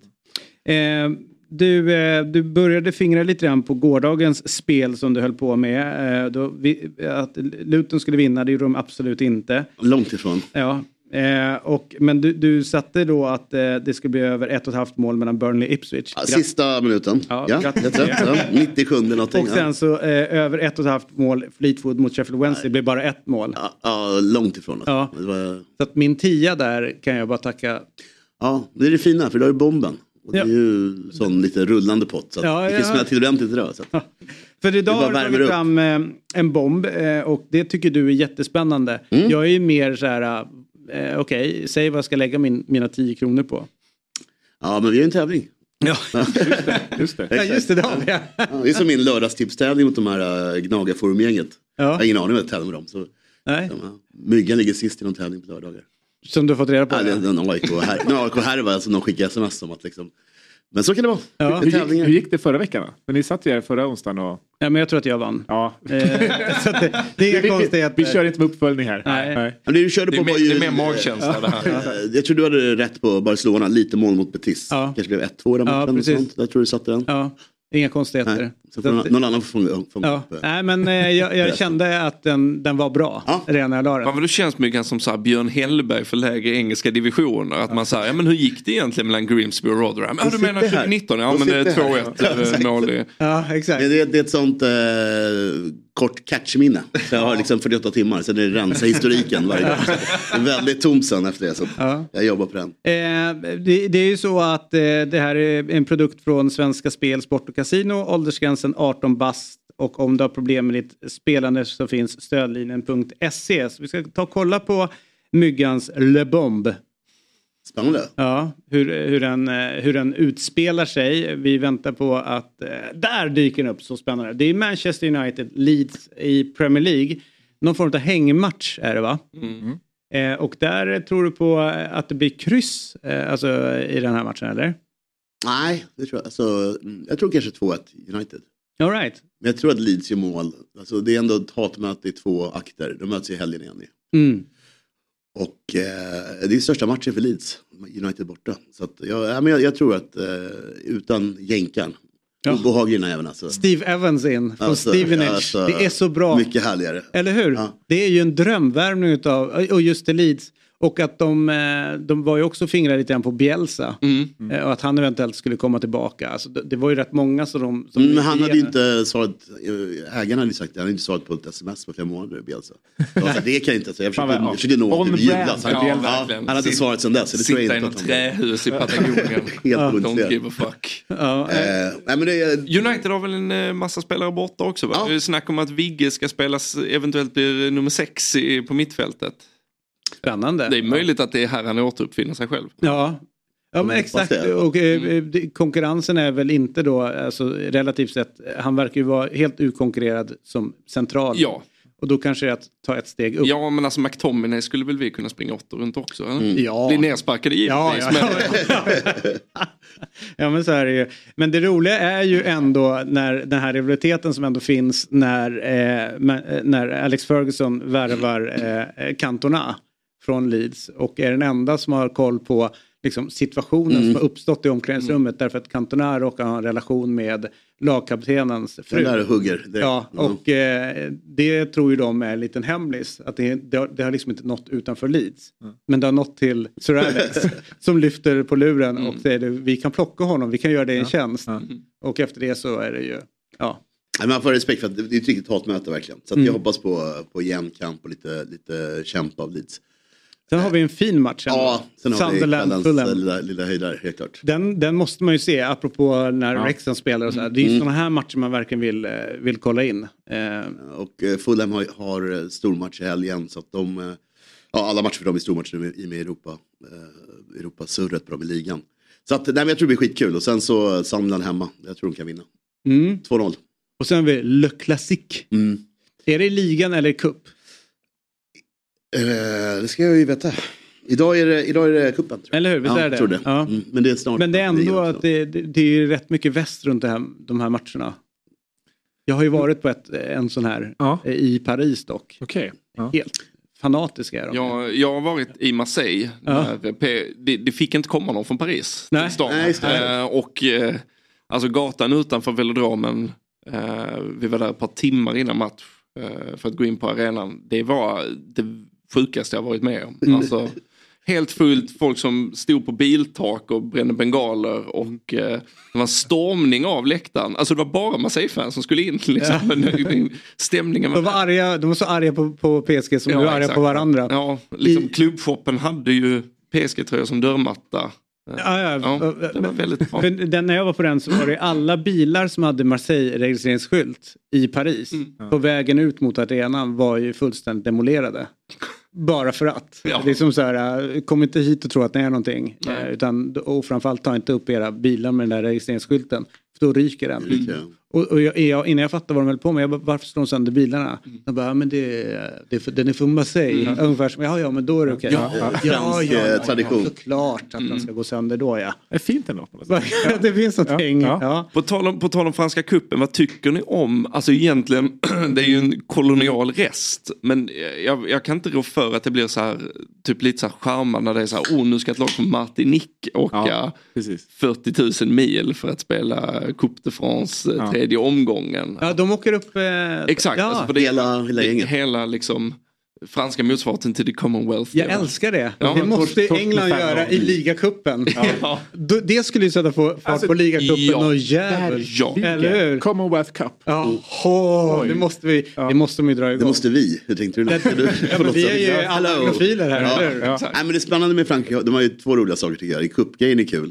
Sen att det är lokalsamtal till alla dem. Alltså det är ju subventionerade samtal. Ja, jag det- ringer lokalt till Martinique till exempel. Ja, fortfarande. Det är väldigt eh, en fransk exercis. Varför släppte vi den här Sankt Barts egentligen? Ja. Jag tänkte på det igår faktiskt. Gjorde du det? Ja, jag det. Vet inte, vad, Så man gör lite till ja, mans. Ja, hur? Vad skulle vi vilja ha tillbaka? Sankt Bart. Ja, hur? Bart, ja. Det vore ju... Vi sålde ju det alldeles för billigt. Ja. Dagar utanför Estland, aj Ja. fan ska vi med det till. Ja. Men Sankt Barts, Ja. men det vore ju häftigt om vi ändå hade Sankt Barts kvar. Ja. Alltså det är, Mm. I och med att vi en gång var en stor makt. Det är ju på något sätt en, liksom ett, en, ja, men en så här kvalitetsstämpel på en stormakt. Tror ni, tror, tror ni att eh, länder utanför Sverige i sin historielektion pratar om den svenska stormaktstiden någonting? Eller pratar om, och ni minns den gamla stormakten Sverige? Nej, oklart. Men jag vet att i Tjeckien eh, så kan de ju fortfarande hota med barnen så här att eh, om du inte går och lägger, ner, eh, lägger dig nu så kommer svensken att ta dig. Att det liksom ligger kvar. Varför blir jag glad av att höra det? Vad- är det med mig som... Ja, jag blev också glad och Ja. väldigt stolt över eh, när jag fick det berättat för mig. Då sa jag så här, ja men det ska ni ha. För ni, ni vill inte att vi kommer att ta er. Exakt. Men, men St. Barts känner nog det. Alltså, där har, huvudstaden är, det är Gustavia. Ja, absolut. Eh, och det och finns liksom Stockholms Road och Där allt. borde ju vara 08-nummer. Ja, Det är så gammalt. ja. Man ringer Ja, sex siffror för att boka bord på nyårsafton. Ja, exakt. Du bara ringer Bara ner. köra på. Men eh, hur som helst, så det är här du landar in i. Så vet man ju liksom inte vad oddset blir runt den här i och med att det, om det blir... Eh, alltså, Nej, precis. precis. Eh, Beroende på Resultaten. antal och resultat och vilken spelar på vad. Men Marseille kanske lite svacka och eh, Mbappé är borta som vi vet. Mm. Men jag tror ändå att de eh, cementerar. Det här är kuppen. ligan är 26 februari kollade jag upp. Ja. Att, eh, ja, men men det, samma Marseille, alltså hemmalag då också. Spännande. Och som sagt var, ett spel från eh, Svenska Spel, Sport och Casino, åldersgränsen är 18 år och om du har problem med spelen så finns stödlinjen.se. Vi ska faktiskt gå vidare nu och prata lite Champions League. Eh, och eh, igår så pratade vi om PSG och idag så är det dags för Tottenham och Manchester City. Och deras eh, som kommande resa framåt. Först bara eh, eh, som Tottenham-supporter så är det liksom inte lika van vid Champions League-spel. Och nu raljerar jag Nej. inte kring det utan det är fakta. Eh, hur, hur sprallig är du runt Champions League nu när, när ni ska spela? Ja, men jag blev ver- verkligen sprallig. Alltså, som jag sa innan, alltså, här, nu har man verkligen så här, byggt upp en förväntan igen. Sen så är det ju, Tottenham spelar ju helvitt i Europa. Eh, och aldrig annars. Och det är någonting speciellt med som man går igång på. Liksom. Det, då, då blir det en extra liksom, speciellt tillfälle. Eh, så jag, eh, nej, jag är taggad. Och eh, för Citys del så är det ju likt eh, det PSG höll på med eh, ganska, ganska lång tid. Mm. Nu är det dags att vinna den där eh, jävla Mm. Champions. Är det det, alltså, har, har ni gått så långt så att det är liksom det som är nästan bara okej, alltså semifinal och framåt? Eh, ja, med nyligen resultat färskt i minne så känns ju en Champions League-seger fruktansvärt eh, avlägset. Eh, men givetvis är det så, alltså det har väl varit eh, ett mer eller mindre uttalat mål sen, sen Pep tog över egentligen. Mm. Eh, och eh, Haaland-vävning är ju inte för att befästa någon slags liga-dominans. Det är ju för att hålla ett ha verkligen- resultat i en borta retur. Ja, liksom, exakt. Ja, tydligen eh, läste någon insider att eh, den eh, tappade dubbelmatchen mot Real Madrid. Det är liksom, Pep Guardiola är fortfarande helt rasande Mm. över det. Mår dåligt, kan inte sova på nätterna. Tappar det pyttelilla hår han har Ja. kvar. Ja. Men eh, de- det här dubbelmötet då mot eh, Leipzig Mm. som ni har, eh, vad, vad är tankar kring det? På pappret så ska det ju bara ställas av, eh, givetvis. Men City efter VM i Qatar städar inte av lag på på samma sätt längre per automatik. Vad beror det på tror du? Eh, ja, det, det, är inte så jävla bra stämning i truppen just nu. Eh, sitt, jag gick in inför den här säsongen och tyckte att eh, City hade gjort med de senaste åren eh, som jämförs ett ganska offensivt fönster och gjort sig av med ganska bärande figurer eh, i Sterling, Jesus, Sinchenko. Eh, rörde runt mer i grytan än vad de gjort. Eh, liksom sett i början av pepptiden givetvis, då var det ju stora skiftningar. Men sen har det lugnat sig ganska mycket. Eh, det här var eh, lite mer revolution eh, men inte alls så mycket som faktiskt var nödvändigt tror jag. Eh, tittar du på Eh, stämningen i truppen så är det ju, Cancelo var ju tvungen att gå. Eh, Pepper han drog inte jämnt överhuvudtaget. Eh, det ryktas ju om att Kyle Walker, Emerick Laporte, Ilkay Gündogan, eh, Bernardo Silva med flera inte trivs varken i, i klubben eller med Pep just nu. Eh, och tittar du på mittfältet så känns det helt plötsligt ålderstiget för att ja, De Bruyne 30 plus, mm. Gündogan 30 plus och ska gå. Eh, ja, Rodri är ju där, men det är väl det liksom som är den fasta punkten. Och man vet inte om Grealish ska gå ner långsiktigt, ska Foden gå ner långsiktigt, ska Foden få spela något mer igen? Vem vet? Nej. Eh, det är inte så jävla glada dagar i de himmelsblå delarna av Manchester och Nkunku vill väl visa att han är en av fyra bra högeryttrar i Chelsea nästa säsong. Jag är lite, lite nervös inför det här mötet faktiskt.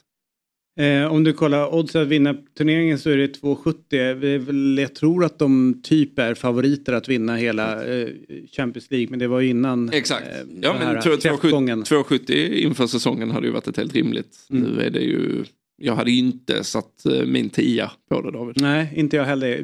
Det är i Chelsea och PSG som jag, jag håller som mm. säger det. Okej, eh, om vi kollar till eh, Tottenham då. Mm. Hur var gruppspelet tycker du? Det var ju nazistgruppen. Mm. Det, var ju.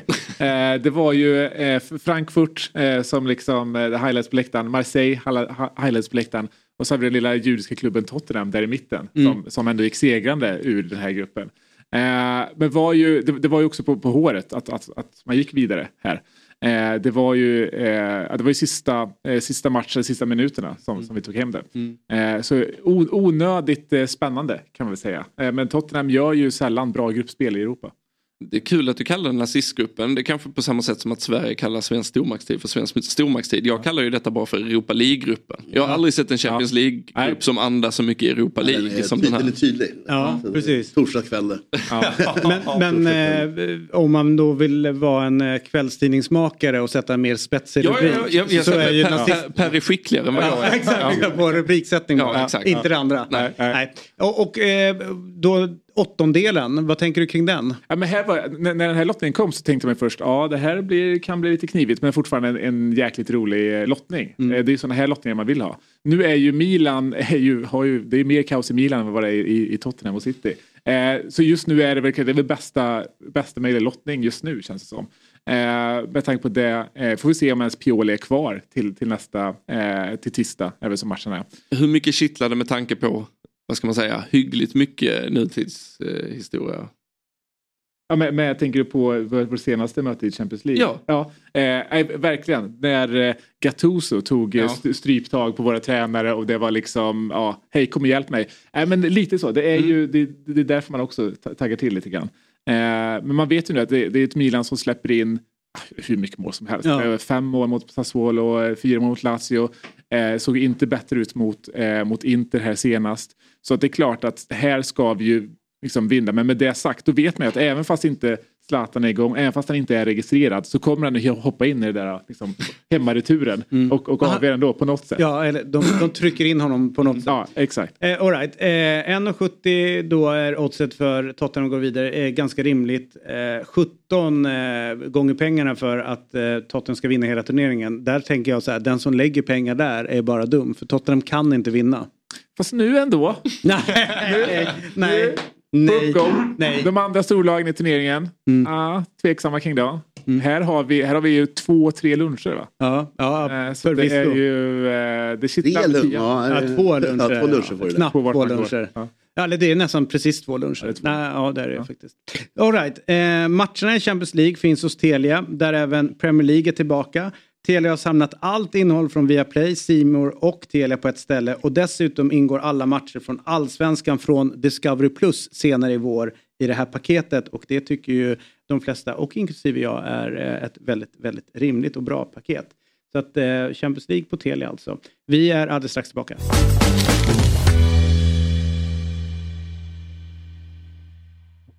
Ny säsong av Robinson på TV4 Play. Hetta, storm, hunger. Det har hela tiden varit en kamp. Nu är det blod och tårar. liksom. Fan händer just nu. Det. Detta är inte okej. Robinson 2024, nu fucking kör vi! Streama söndag på TV4 Play. Ett poddtips från Podplay. I fallen jag aldrig glömmer djupdyker Hasse Aro i arbetet bakom några av Sveriges mest uppseendeväckande brottsutredningar. Går vi in med hemlig telefonavlyssning och, och då upplever vi att vi får en total förändring av hans beteende. Vad är det som händer nu? Vem är det som läcker? Och så säger han att jag är kriminell, jag har varit kriminell i hela mitt liv men att mörda ett barn, där går min gräns. Nya säsongen av Fallen jag aldrig glömmer på Podplay. Då är vi tillbaka i Fotbollsmorgon och eh, vi får väl säga eh, först och främst stort grattis och eh, vad kul med att Petra Thorén är dels här och eh, grattis till nytt jobb. Ja, tack. Verkligen. Eh, 29 år blev det på Aftonbladet och Sportbladet eh, och du har även varit ordförande i Sportjournalistförbundet eh, under de senaste åren. Eh, och får vi ändå säga eh, som läsare och konsument en av de mest läsvärda eh, journalisterna eh, som man har haft eh, förmånen att, eh, att läsa. Varför lämnar du journalistiken? Ja, det är en eh, stor fråga, en befogad fråga och en fråga som jag eh, eh fortfarande liksom funderar på. Varför gjorde jag det och varför tog jag det steget? Men jag ser ju inte det som att jag lämnar journalistiken utan ehm, 29 år, det är eh, en lång relation och eh, jag har haft fantastiskt på Sportbladet. Jag har lärt mig så mycket och fått vara med om så enormt mycket och eh, har träffat så många härliga människor. Men kände, ska man någon gång innan man blir allt för gammal göra någonting annat så kanske det var nu när den här möjligheten dök upp och just ordförandeskapet då i Sportjournalistförbundet, där har jag liksom jobbat väldigt mycket med just det här arbetsmiljön för oss journalister. Alltså hur kan vi förbättra den? Hur kan vi förbättra relationerna med de stora förbunden och haft mycket dialog både med Svenska Fotbollförbundet och SEF i de frågorna och eh, de har varit väldigt lyhörda. Så jag ser det mer som att jag fortsätter mitt verk för journalistiken Mm. fast från en annan plattform. Då. Mm. Jag ska bara be dig prata lite närmare micken tror jag. Eh, jag vet att det är en jobbig stol att sitta på. Men, eh, men Jag kommer sitta på tyngre stolar, det är svårare stolar frågor sannolikt. Framöver, ja. Jag behöver... Eh, det, det är ju, vi har ju sett, eh, och inga jämförelser i övrigt, men vi har ju sett eh, journalister nu senast någon som gick från journalistiken in till statsrådsberedningen, men eh, som sagt var inga jämförelser sådär. Eh, hur, hur svårt blir det tror du, liksom, där rätt många journalister kommer förvänta sig nästan att ah, nu är Petra en av oss här, nu kommer det bli på ett, på ett helt annorlunda sätt samtidigt som du har Ja, en, ja, ja. Samtidigt som du har en arbetsgivare som har ju sina, eh, de, de kommer från sitt håll. Eh, Just den där eh, potentiella krocken, har, har du reflekterat någonting kring det? Ja, det stod ganska tydligt när, när jag fick uppdraget och det blev offentligt att det, det finns en, en sån uppfattning och känsla i journalistkåren eh, att, eh, att nu är det en som kommer från, från våra led som kommer in här och kan påverka och förändra. Jag kan ju inte svinga några trollspön och allt eh, blir helt förändrat. Och det tror jag inte att det behöver bli heller för att det finns mycket som är väldigt, väldigt bra. Men eh, ja, det hade ju varit värre om det inte hade varit positivt. Utan jag får utgå från den plattformen med att det finns lite förväntningar och se vad, liksom vilken lyhördhet jag kan ha mot, mot våran kår. Och eh, och försöka jämka det med, med liksom förbundet och herrlandslagets eh, eh liksom, mm, både uppfattning och, och egna liksom, förväntningar på hur det ska vara men jag hade inte gått in i den rollen om jag inte hade känt att det i samtalen finns också en uppfattning om att det ska vara öppet, att det ska vara ett eh, lyhört klimat och eh, en bra tillgänglighet. Så att jag tror att det finns eh, ett bra sätt att rota ner sina rötter i och, och växa därifrån eh, och eh, förhoppningsvis vara den här bryggan mellan då det kommer inte alla kommer inte vara nöjda. Nej. Nej, Så, så är det. Och, och den här känslan, är det eh, herrlandslaget eller herrlandslaget och förbundet kombinerat? Ja, men den här tjänsten då som jag tillträder den 20 februari, så jag har inte Ja. börjat än. Jag ska ut och Nej. hälsa på dem idag. Men den är 50 procent kopplat det, rent till herrlandslaget, så presschef för herrlandslaget. Så då är Mm. man med på samlingar och, och liksom all, all medieaktivitet kring det. Och sen är det också, vilket jag också, det är frågan varför jag lämnar journalistiken, men jag är väldigt engagerad både i fotbollen överhuvudtaget som ungdomsledare. Jag älskar det här bre, bredden, ungdomen, eh, damfotbollen, engagemanget och det är ju 50 procent där att få vara med och påverka i folkrörelsen och, och kanske ner på, på liksom ungdomsnivå och hur fotbollen uppfattas där är ju också något som ligger i mitt uppdrag och som jag också ser fram emot. Mm. Ehm, vad, vad tänker du, hur öppet kan ett landslag vara? Vi, vi har ju alla hört om de gamla gubbarna då som eh, jobbade på början tidigt 90-tal prata om att ja, men på den tiden var det bara att gå ut på, efter träningen och då fanns alla tillgängliga. Det var inte många eh, tjejer och kvinnor som jobbade, eller fick jobba på den tiden. Eh, men så, så öppet lär det inte bli igen. Men hur mycket kan man skruva på öppenheten eh, runt ett landslag tänker du? Jag var ju med på 90-talet.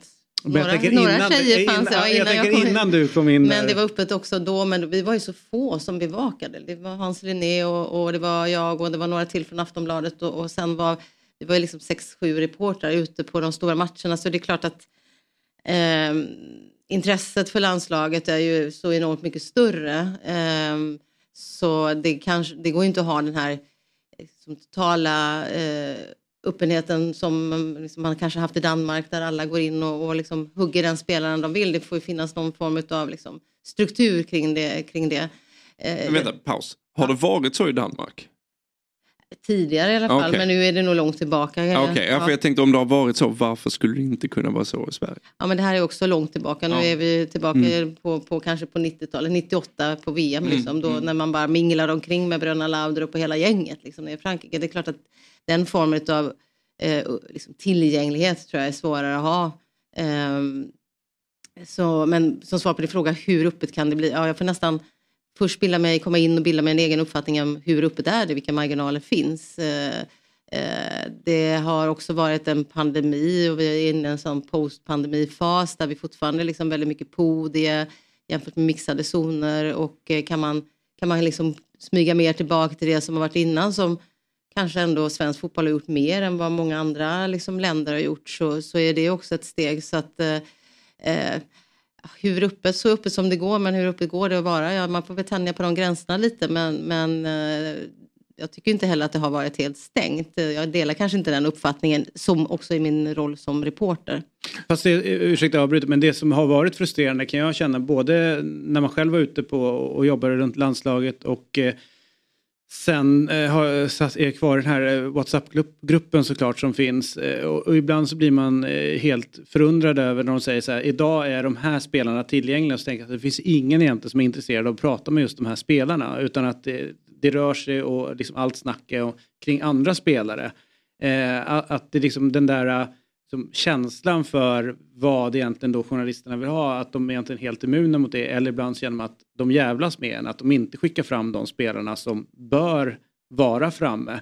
Den frustrationen tycker jag eh, kanske varit allra störst runt. Eh, håller du med om att det har varit en, en sån problematik? Men det finns väl också en sån här önskemål om att alla ska vara tillgängliga under samlingen och då blir det ju dagar där det är liksom spelare som kanske inte är lika, om man nu får säga ur mediasynpunkt då, attraktiva Mm. som, som andra.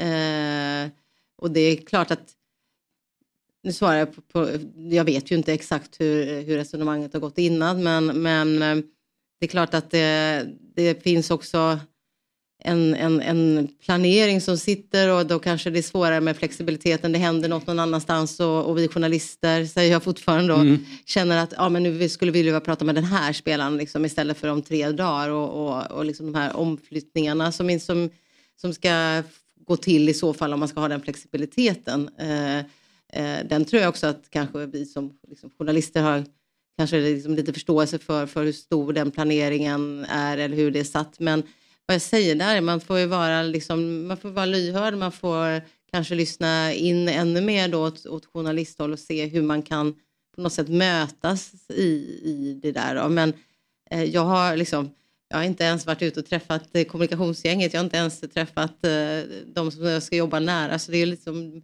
lite svårt med respekt att, Mm. säga exakt Mm. eh, hur, hur man ska förändra.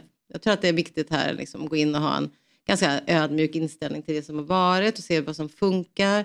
I min roll som Sportjournalistförbundsordförande har jag också fått mycket av eh, liksom uppfattningarna från journalistkåren till mig. Så att det, det tar jag ju också förstås med mig liksom in i den här rollen. Då. Mm. Jag tänker mycket, alltså jag förstår att eh, alla personer är olika och alla tycker att det är olika kul eller jobbigt med den mediala biten. Men ibland, framförallt på, när man bevakar fotboll kan jag känna att man går in och man har lite känslan att vi är liksom ett vi och dem. Att det finns ett fiende är väl hårt men att det finns en eh, skepsism mot det man gör. Eh, och jag förstår att vi är jobbiga jävlar som ställer jobbiga frågor vid jobbiga tillfällen. Men, men tror du att det är någonting som man skulle behöva jobba med? Eh, med dem öka förståelsen för vårt uppdrag?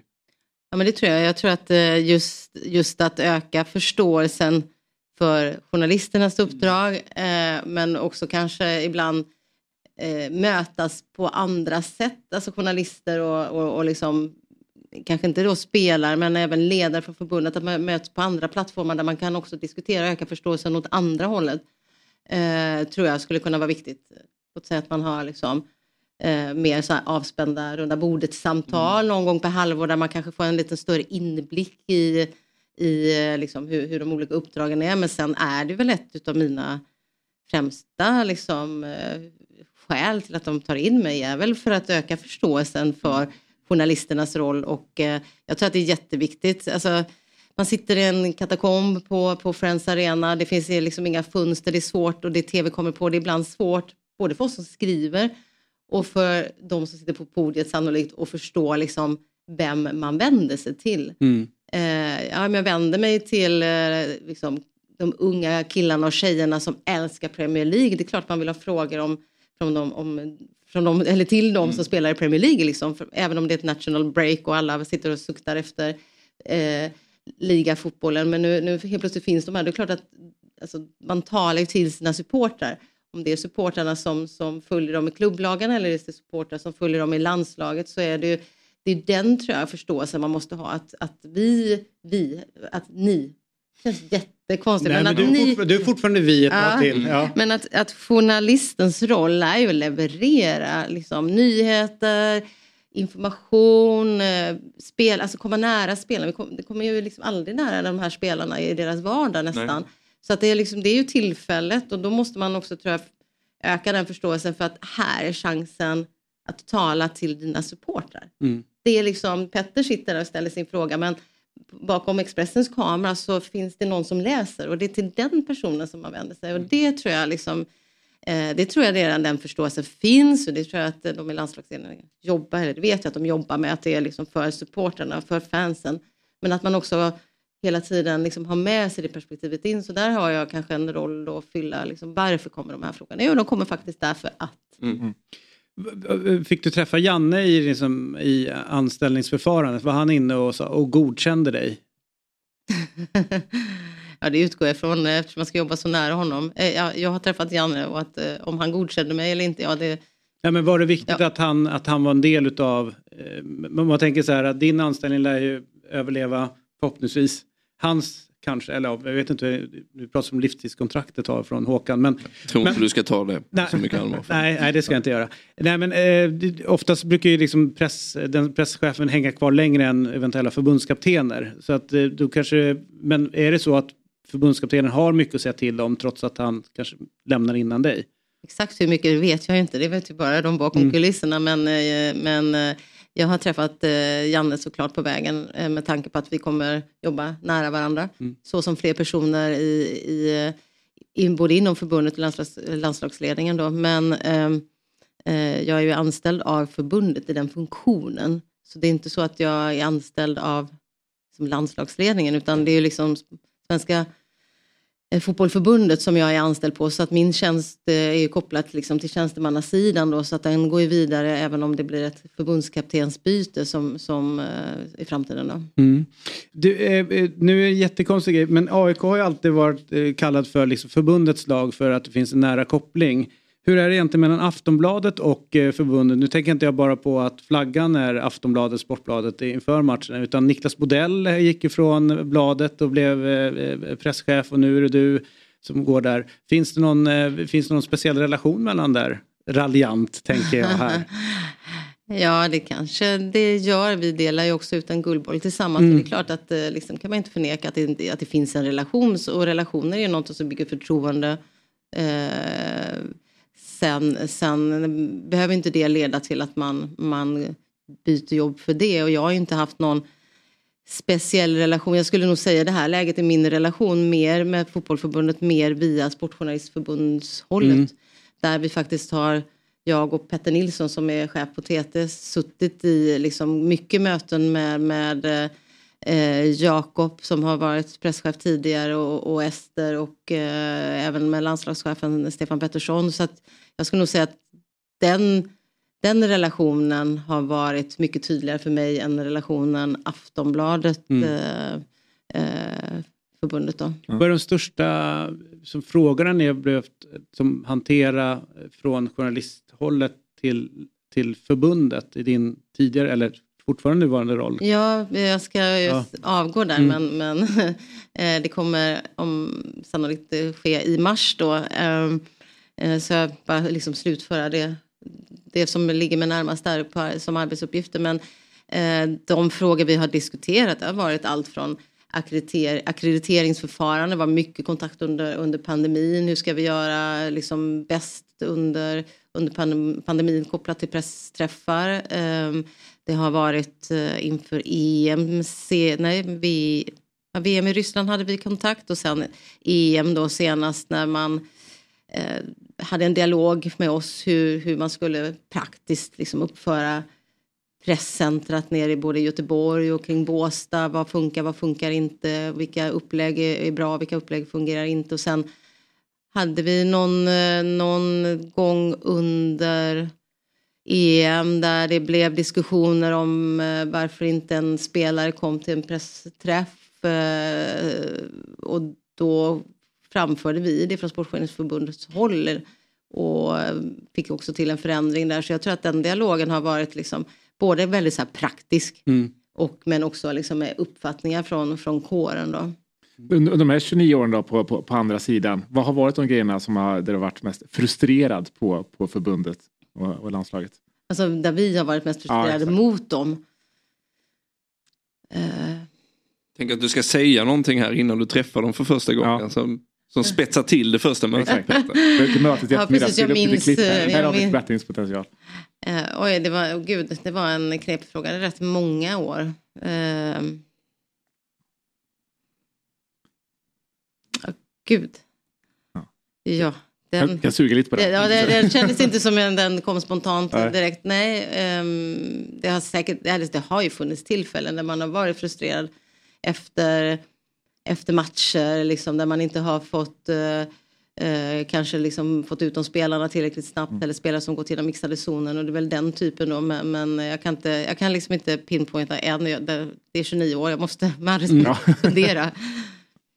Det, det, det blev ju också någonting annat när Zlatan kom, alltså när Zlatan blev så stor som han blev. Eh, att folk pratar om att det förändrades och det märkte man själv när man jobbade också med landslaget att det var så tydligt att man hade en världsstjärna.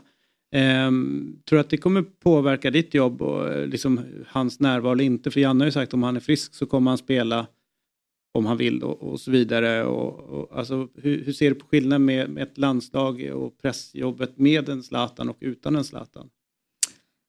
När han var med nu senast så var det väl precis som det hade varit om han inte var där. Sen blir det ju ett otroligt fokus givetvis på, på Zlatan om han är med. Men eh, där var, gjorde han väl flera presskonferenser och var väldigt sådär öppen och tillgänglig på, liksom, på de träffar som var. Så att, eh, jag tror inte att det behöver vara någon skillnad där. Det, det, det finns en kultur nu hur de vill jobba med, med mediefrågorna och den tror jag inte påverkar så mycket om han kommer in mer än att det blir per automatik en, en, liksom en stor spelare, en stor ledare som kommer in i gruppen. Mm. Du, vad kommer du sakna med eh, att vara journalist? Mest? Och jag kommer sakna nyhetsjakten när man får slå Expressen. eh, När man liksom Som ni gör varje med- dag. Som Ja. vi Det gör. var ganska många år sedan nu jag förstår att du bytte Peter. Ja, eller hur Petter? Det, vi, har haft våra, vi har också haft våra duster i skidspåren. ju, Så att, ja. Mm. Nej men det kommer jag sakna, den här kicken av att eh, liksom eh, ha nyheter. Även om det har ju också förändrats. Det var ju väldigt mycket häftigare när man var först med någonting i printtidningen Mm. och så levde det i 24 timmar. Liksom. Nu vet man knappt var saker och ting kommer ifrån för det dyker upp snabbt. Men det kommer jag sakna. Jag kommer också sakna eh, hela det här liksom, kollegiala som vi har haft på Sportbladet och det utgår jag från att ni har på Expressen också. Men att jobba i ett team, man jobbar liksom upp ett mästerskap, man planerar, man är ute och gör liksom stora resor för att, för, för att både göra intervjuer och skaffa liksom material med sig in i mästerskapet och sen så står man där och så blir det liksom lyfter under mästerskapet och den enorma kraften att, som man kan känna från eh, läsare våra tv-tittare som, som ser på, på de liksom webb-tv-inslagen vi har. Den enorma kraften, det är ju det som berör. Mm. Och det kommer jag sakna och kommer inte känna på samma sätt. Eh, Kanske kommer känna någonting annat men det kommer jag verkligen sakna. Men också att du har jobbat med många olika sporter tänker Mm. jag att nu blir det liksom nästan i din yrkesroll bara fotboll. Den, den bredden som du har visat upp eh, tänker jag kan man också sakna liksom att få känna på olika sporters unika kultur och, och, och, och känsla liksom. Ja, längdskidorna kommer jag, har jag bevakat väldigt tätt egentligen sedan 95 med visst uppehåll men liksom sedan 2010 så har jag ju nästan varit på snö ständigt under vintern och eh, jag tänkte på det, jag var i Les Rouges eh, i Frankrike alldeles nyligen som sista helg och det kommer jag verkligen sakna. Det, det är som du säger en annan miljö, det är liksom lite andra personligheter och eh, en väldigt så här härlig, liksom frisk, eh, liksom ödmjuk inställning kring, kring och närhet till, till åkarna. Man liksom traskar omkring eh, eh som liksom är alldeles nära vallarna. Man kommer så, så tätt inpå så att, eh, det kommer jag ju sakna. Mm. Det, det har varit en hel del eh, heta frågor i fotbollsvärlden det senaste året. Eh, där ju landslaget och förbundskaptenen kanske varit liksom lite, lite tysta i de frågor som ändå är ja, men ganska existentiella för, för fotbollen. Då. Vad tycker du att eh, ja, ta förbundskaptenen till exempel eller spelarna ska, eh, ska ha för roll och vara ute och kunna prata om de här frågorna i, i, i media till exempel?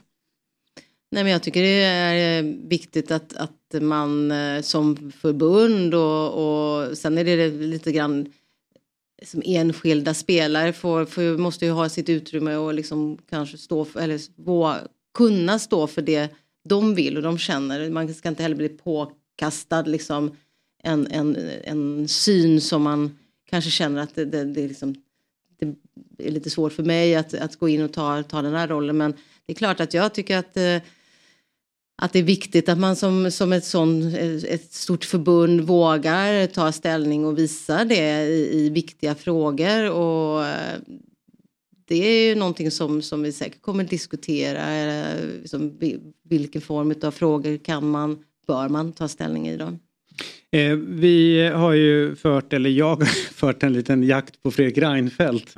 Eh, det är ju så att vi har eh, haft, eh, eh, ja, vi har velat intervjua alla de som har kandiderat till att bli ordförande i Svenska Fotbollförbundet och du vet precis som eh, de flesta som jobbar med, ja, med fotbollsjournalistik, det varit ganska, de har varit tillgängliga, de som varit ordförande. Alltså, Lars-Åke Ragrells son hade vi med oss igår, han sa att han var ju knappt hemma och när han väl var hemma så ringde telefonen och han svarade hela tiden. Karl-Erik kan man nå. Och så har vi Fredrik Reinfeldt då som vägrar svara på frågor i, med, i, med anledning av sin kandidatur runt det hela. Eh, vad, liksom, hur hade det blivit om, man, om en ordförande inte då, låt säga att han blir ordförande, inte är tillgänglig och samtidigt så pratar liksom, rörelsen längre ner om öppenhet. Det, det känns som att det krockar där på något sätt. Är det någonting du har tänkt på? Nej, det är alltså... Dels så är det, nu låter jag snart som en presschef här, men det är ju Mm. dels en hypotetisk fråga för det är ju Mm. svårt att veta hur det blir och jag tänker att eh, eh, man kanske har olika vägar in i en sån eh, kandidatur. eh, där Fredrik Reinfeldt har valt sin väg och, och kommer också kanske från en annan bakgrund än vad hans eh, motkandidater gör. Så att det kan finnas liksom, anledningar till att välja den, en, en annan väg att, att eh, liksom bygga sin kandidatur på. Eh, utan att för någon, jag har liksom inte ens, eh, jag har inte pratat med någon av dem. Och det är ju inte, jag är inte inne i, i min roll, jag har inte ens börjat på Nej. förbundet. Så att, Jag eh, tänkte då kan det vara lite ja. mer frispråkig. Ja, eller hur? Nej, men jag, jag, jag skulle säga, jag är... Jag har respekt för att man väljer att göra på olika sätt. Sen om det gynnar den personen eller inte, det, det är ju en annan sak. Men, men eh, eh tänker att man kanske kan vrida på perspektivet. Det kanske finns eh, eh en erfarenhet som gör att han väljer den vägen. Mm. Och eh, utifrån då att du fortfarande är journalist, hur ser du på den här härvan det börjar bli runt ordförandevalet där eh, de inte riktigt vet vem som är valbar eller inte eller de klassar en del som olämpliga till och med att bli eh, liksom, att överhuvudtaget kan kandidera. Eh, och det jämförs med Infantino och, och så vidare. Det, man står nästan och häpnar eh, runt det här ordförandevalet. Vad, vad är dina tankar kring det hela? Jag precis betonat att jag fortfarande är journalist, men jag slutade i fredags på Ja. Sportbladet. Så Ja, då, är inte... då är du privatperson. Jag är privatperson, Då är du bara ännu en, bättre. en, en ungdomsledare inom, inom fotbollsrörelsen. Det är perfekt det. Det är perfekt, Ja. precis. Nej, men eh, jag, eh, alltså, jag, jag har inte följt frågan på det sättet, eller det har jag väl i och för sig, det ska jag inte säga att jag inte har. Det är klart att jag läser allting som, som, som skrivs kring den frågan. Eh, men jag är också en föreningsmänniska eh, faktiskt. Mm. Har varit i massa föreningar och sitter i Sportjournalistförbundet och vet ju också att den demokratiska processen har sin gång. Liksom. Och det är en fråga som, som valberedningen eh, eh, framförallt ska uttala sig. Så att jag tänker inte liksom ge mig in i den diskussionen. Och det vore lite förmätet liksom att sitta och tycka massa saker när jag inte ens har någon inblick och ens har börjat eh, där. Så det, det, det gör jag faktiskt inte. Eh, vad, om man då avslutningsvis då, vad är du mest taggad på i, nu när du ska ta dig an det här nya jobbet? Vad är liksom det som, som lockar mest? Är du, Ja, men det som lockar mest är att eh, komma igång. Eh, liksom sätta mig in i allt. Eh, lära mig ja, liksom hur man jobbar på, på Svenska Fotbollförbundet. Eh, och sen är det ju ganska kort väg. Det är en månad fram till den första samlingen. Och det är klart att det är, få allting på plats, få allting att fungera. Se till att eh, Petter är nöjd eh, under VM. Du har ett hårt jobb framför dig inför EM-kvalsamlingen i mars. Och eh, också skapa en lyhördhet liksom, mot, mot kåren och se eh, om det nu finns stora förväntningar, var någonstans ligger förväntningar så man också möts och liksom börja brygga det över mellan liksom, landslag och, eh, och journalister. Men eh, det handlar också om att liksom bygga relationer och liksom vara ganska ödmjuk inför det som, har, de, som, det som de redan har gjort och se vad jag kan komma in med för kunskap och erfarenhet och vad jag kan bidra med. Så att, eh, eh, jag omfamnar den här uppgiften så får vi se om Petter och ni är nöjda sen. Men ni får ge mig lite tid så ska vi, ska vi nog se till att det här blir otroligt roligt och det blir otroligt spännande. Men det är också ett otroligt svårt uppdrag. Ut med Alex och Dejan i mixade dag ett. Så tar vi det därifrån. Ja. Och så kom, kom ihåg att bygga upp Petter mycket liksom, inför intervjuerna. Och bara så här, det här är en personlig favorit. Petter han klarar inte Ja. av det, då blir han väldigt ödmjuk Ja. om man gör det. Krackelera. Ja. Man ska inte skälla på honom, då blir han bara konstig. Men om man berömmer Petter så blir han väldigt foglig och snäll. Så, så Ja. beröm från, från podiet. Ja, liksom. ja, ja. okej. Då blir det bara snälla frågor efter Ja, det. ja, Ehm, det, det, låter, Janne nu säger att en personlig favorit räcker upp handen. Det är alltså Peter Landén. Det, låter helt plötsligt, det låter helt plötsligt inte så jättesvårt Petter. Nej, nej, det blir väldigt lätt tyvärr.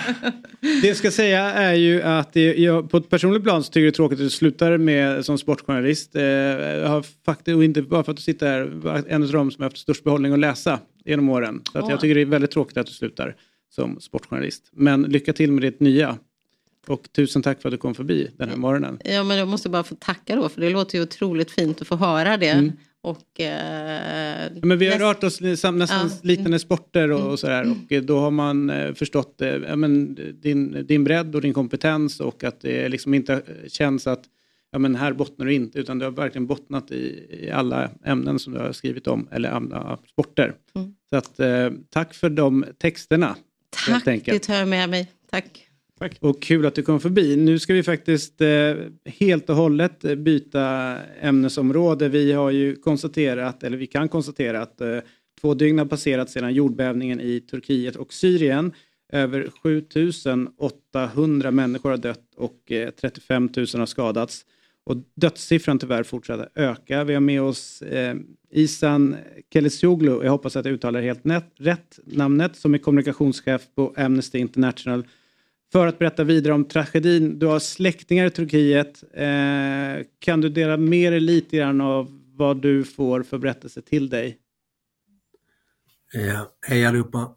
Eh, pratade med dem nu i morse. Eh, det är olika faser inser man nu som inte är erfaren av att uppleva upplevt jordbävning. När jag ringde i måndags morgon så första, då var det mer både en känsla av så här, såklart rädslan har jag alltid, eh, finns ju alltid hela vägen, men den här känslan av att vi klarade oss lite och så här, vad fan hände? Eh, och så. Sen har, nu är de mer i en fas där de börjar acceptera lite, men det är skalv eh, konstant. De går ut och in ur lägenheterna. Det är väldigt kallt. Eh, så kylan är eh, eh väldigt tuff att hantera. Eh, och nu börjar det bli lite fokus på att hitta bröd och mat för vissa. Eh, brödköerna vara upp till fyra timmar långa, eh, sa min morbror igår. Eh, så det är, det är tufft att höra faktiskt. Det blir nästan tuffare att höra än första dagen, för då var jag ändå lättad att, jag, att de klarade sig, mina släktingar. Det är helt otroligt, jag har jättestor släkt. Jag är så här, hur fan gick det här till? Mm. Att inte en enda, någon hamnade under rasmassan, en kusin, men även han klarade sig. Så jag är också lite så här, hur, oj, var lättad över att det för min egen personliga egoistiska del gick så bra. Mm. Vet man hur många som nu är hemlösa på grund av det här? Nej, jag har faktiskt inte koll. Det är också en dag sak. I vanliga fall så följer jag flöden när sånt här händer, mm. men nu är jag faktiskt väldigt fokuserad på Eftersom det berör ens personligen på ett annat sätt så har jag faktiskt inte följt. Jag har inte kollat så mycket på tv-bilder och sådär för att inte påverkas eh, mm. extra eh, mycket. Eh, så jag har inte koll på siffror och, och så jag, jag får förstahandsrapporter från släktingarna. Eh, jag ringer no eh, dem varje dag. Alltså då blir, jag är väldigt många så jag ringer eh, ja, olika personer varje dag för att få inblick i varandras liv på något sätt. Eh. Om man eh, som privatperson skulle vilja på något sätt hjälpa till eller eh, bistå, vad är det bästa sättet att göra? Även jag, jag är nog inte så bra på att svara på det för just nu i vanliga fall så skickar man väl genom organisationer. Så nu fick jag höra igår att det är en lastbil som de ska försöka ta eh, sig fram från Årsta. Eh, ska, eh, de ska samla på sig grejer under eh, veckan här, senast fredag tror jag. Sen ska, den, eh, ska det skickas med kläder och andra förnödenheter som kan behövas. Eh, men vilka som eh, anordnar det har, har, jag inte så bra koll på. Men jag kan tänka mig att det, det uppstår sådana här initiativ eh, och så. Men jag tänker på från min station, alltså i vanliga fall när det är så dödsfall eller eh, mina släktingar är fattiga eh, så skickar man ju pengar. Så förhoppningsvis löser man den akuta situationen, men i det här fallet så de kan inte ens köpa bröd, även om de, hade, de har pengar att köpa bröd till exempel. Och den finns inte. De har eh, kläder kan inte, kan inte jag skicka ner. Så det är lite hopplöst läge att göra för min del härifrån. Men jag kan tänka mig att det finns organisationer som är där på plats, eh, räddningsarbetare, framförallt i de syriska delarna och faktiskt de kurdiska delarna i Turkiet har fått sämre eh, hjälp har jag förstått det som. Mm. Eh, när jag har hört mig runt eh, än vissa andra städer. Eh, så. Eh, så jag har inte så direkt svar på den frågan men det är väl det klassiska att det finns i privata initiativ men också framförallt de stora organisationerna, hjälporganisationer som finns. Och det utlystes undantagstillstånd igår var i ganska ja, tre månader framåt eller vad det var. Vad, vad, liksom, ja. vad innebär det här nu för, för liksom hela Turkiet? För det är också, jag menar det är ju, eh, det var ett, ett, intensivt valår också så att säga. Turkiet är ju liksom på, eh, högt på agendan. Hur påverkar det liksom, turkiska samhället? Det här är, ja, det kommer bli intressant att se för eh, antingen kan det här gå över såklart till någon form av frustration. Vi fick inte den hjälp som efterfrågades. Just nu, vad jag förstår, så diskuteras väldigt mycket, för Turkiet är ju väldigt vana med jordbävningar. Så den första beredskapen eh, utifrån förutsättningarna eh, funkar. Det är väl den senare eh, bred, alltså hur, hjälpinsatserna, vilka får hjälp, vilka får inte hjälp det, det, jag kollade på tv lite igår så är det frustration i östra delarna eh, som har drabbats av de kurdiska delarna där de känner inte att de har fått samma uppmärksamhet, eh, både medialt men också eh, utifrån, eh, vad heter det, vad heter det, eh, de, de som försöker rensa rasmassorna och så. Eh, nu kommer jag inte på namnet. Så. Men eh, jag tror att det kommer uppstå frustration. Sen har det varit diskussioner om hur kan, för det, det är framförallt konstigt nog de nybyggda husen som eh, drabbas hårdast och det har kommit in, de har infört lagar som ska skärpa byggreglerna och sådär, som ska eh, jordbävningsanpassa och sådär. Och eh, har det varit fusk här? Är det korruption som har gjort så att det inte har byggts på rätt sätt? Eh, så de här sakerna kommer uppstå. Eh, så jag vet inte, det blir väl en, eh, mat- en balansgång mellan de här oppositionspartierna och det det styrande partiet, vilken, vem som vinner folkets hjärtan kopplat till det här. Eh, Och det är svårt att säga hur det kommer se ut. Mm. Okej, eh, tusen tack för att du tog dig tid att att vara med den här morgonen. Tack för att ni vill uppmärksamma den här frågan igen. Fotbollspodd, jag uppskattar det. Jag jag är själv fotbollsintresserad så jag tycker det är bra att vi ser bortom också fotbollen ibland. Tack. Ja, och jag noterar Kosovare Asllani på väggen bakom där. Ja, det är min dotters rum. Eh, ja, men ändå bra, härligt. Ja, det, det är härligt. Jag Mm. gillar det också. Tack så mycket. Tack. Tack själva. Trevlig dag. Hej. Vi eh, slänger oss snabbt mellan Mm. ämnena i Fotbollsmorgon och eh, i måndag så hade vi med oss Sirius-supporten, statsvetaren och bloggaren Tryggve Pederby. Och han är inte helt nöjd med AIK eller Hammarbys eh, Eh, eller Norrköpings satsning på utvecklingslag. Enligt honom är, en, eh, detta ett hot mot föreningsdemokratin. Vi ska lyssna på hur, eh, hur det lät i måndags. Problemet är ju liksom att vi har, eh, vi har ett system i Sverige där eh, varenda eh, klubb som är med och spelar i seriesystemet ska vara en medlemsförening. Det finns liksom inget annat sorts ägandeskap eh, över. Man kan inte gå in som privatperson och, och köpa upp en hel klubb. Eh, och det är ju det som egentligen ska genomsyra hela systemet. Vi ska inte bara hamna och fokusera på allsvenskan, att så här, här är det medlemmar, liksom. utan det måste gå hela vägen ner. Liksom. Eh, och problemet där är ju att eh, jag tror vi supportrar är väldigt bra på att eh, liksom, skydda 51%-regeln från utomstående aktörer. Men vi måste också våga kolla på oss själva och se våra egna föreningar och hur vi eh, är med också urholkar eh, 51%-regeln genom att gå runt eh, egentligen regelverket för att kunna ha styra ett sorts B-lag. Det som är viktigt att komma ihåg, och jag känner inte riktigt att jag hade förstått det här förrän AIK kom med sitt B-lag, att det är två olika frågor. Dels är det det här att man eh, Eh, tar över identiteten av en existerande förening och bryter bort IK Frej och det blir liksom HTFF. Alltså att det är den, samma som när det kommer till AC eh, Eskilstuna eller Red Bull Leipzig, det här att man snor en identitet och förändrar den. Det är ju liksom eh, ett problem. Men sen så måste man också se frågan, eh, för, för där hamnar ju inte AIK. AIK kommer ju inte in och liksom tar över ett existerande slags identitet och formar om det. Men den andra frågan är just ägandeförhållandet. Eh, liksom ägandeskapet av en annan förening. Eh, hur, hur, liksom, hur det går emot den demokratiska fotbollen. Och där, det var därför jag egentligen ville gå in på det här. För att där kommer ju AIK, oavsett vad de gör, just eftersom vi har det regelverket och det systemet i Sverige, att varje förening ska vara fristående, en egen medlemsförening, så kommer de också bryta liksom, eh, mot 51% regelns anda. Liksom.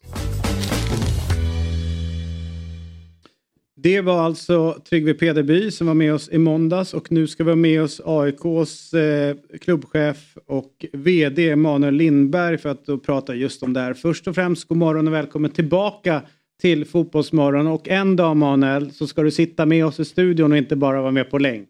Det lovar vi eh, varandra. Idag, idag har ni haft mig på Arlanda istället så jag försöker hitta ett hörn här där det inte ska ropas ut en massa meddelanden men vi får se hur det går.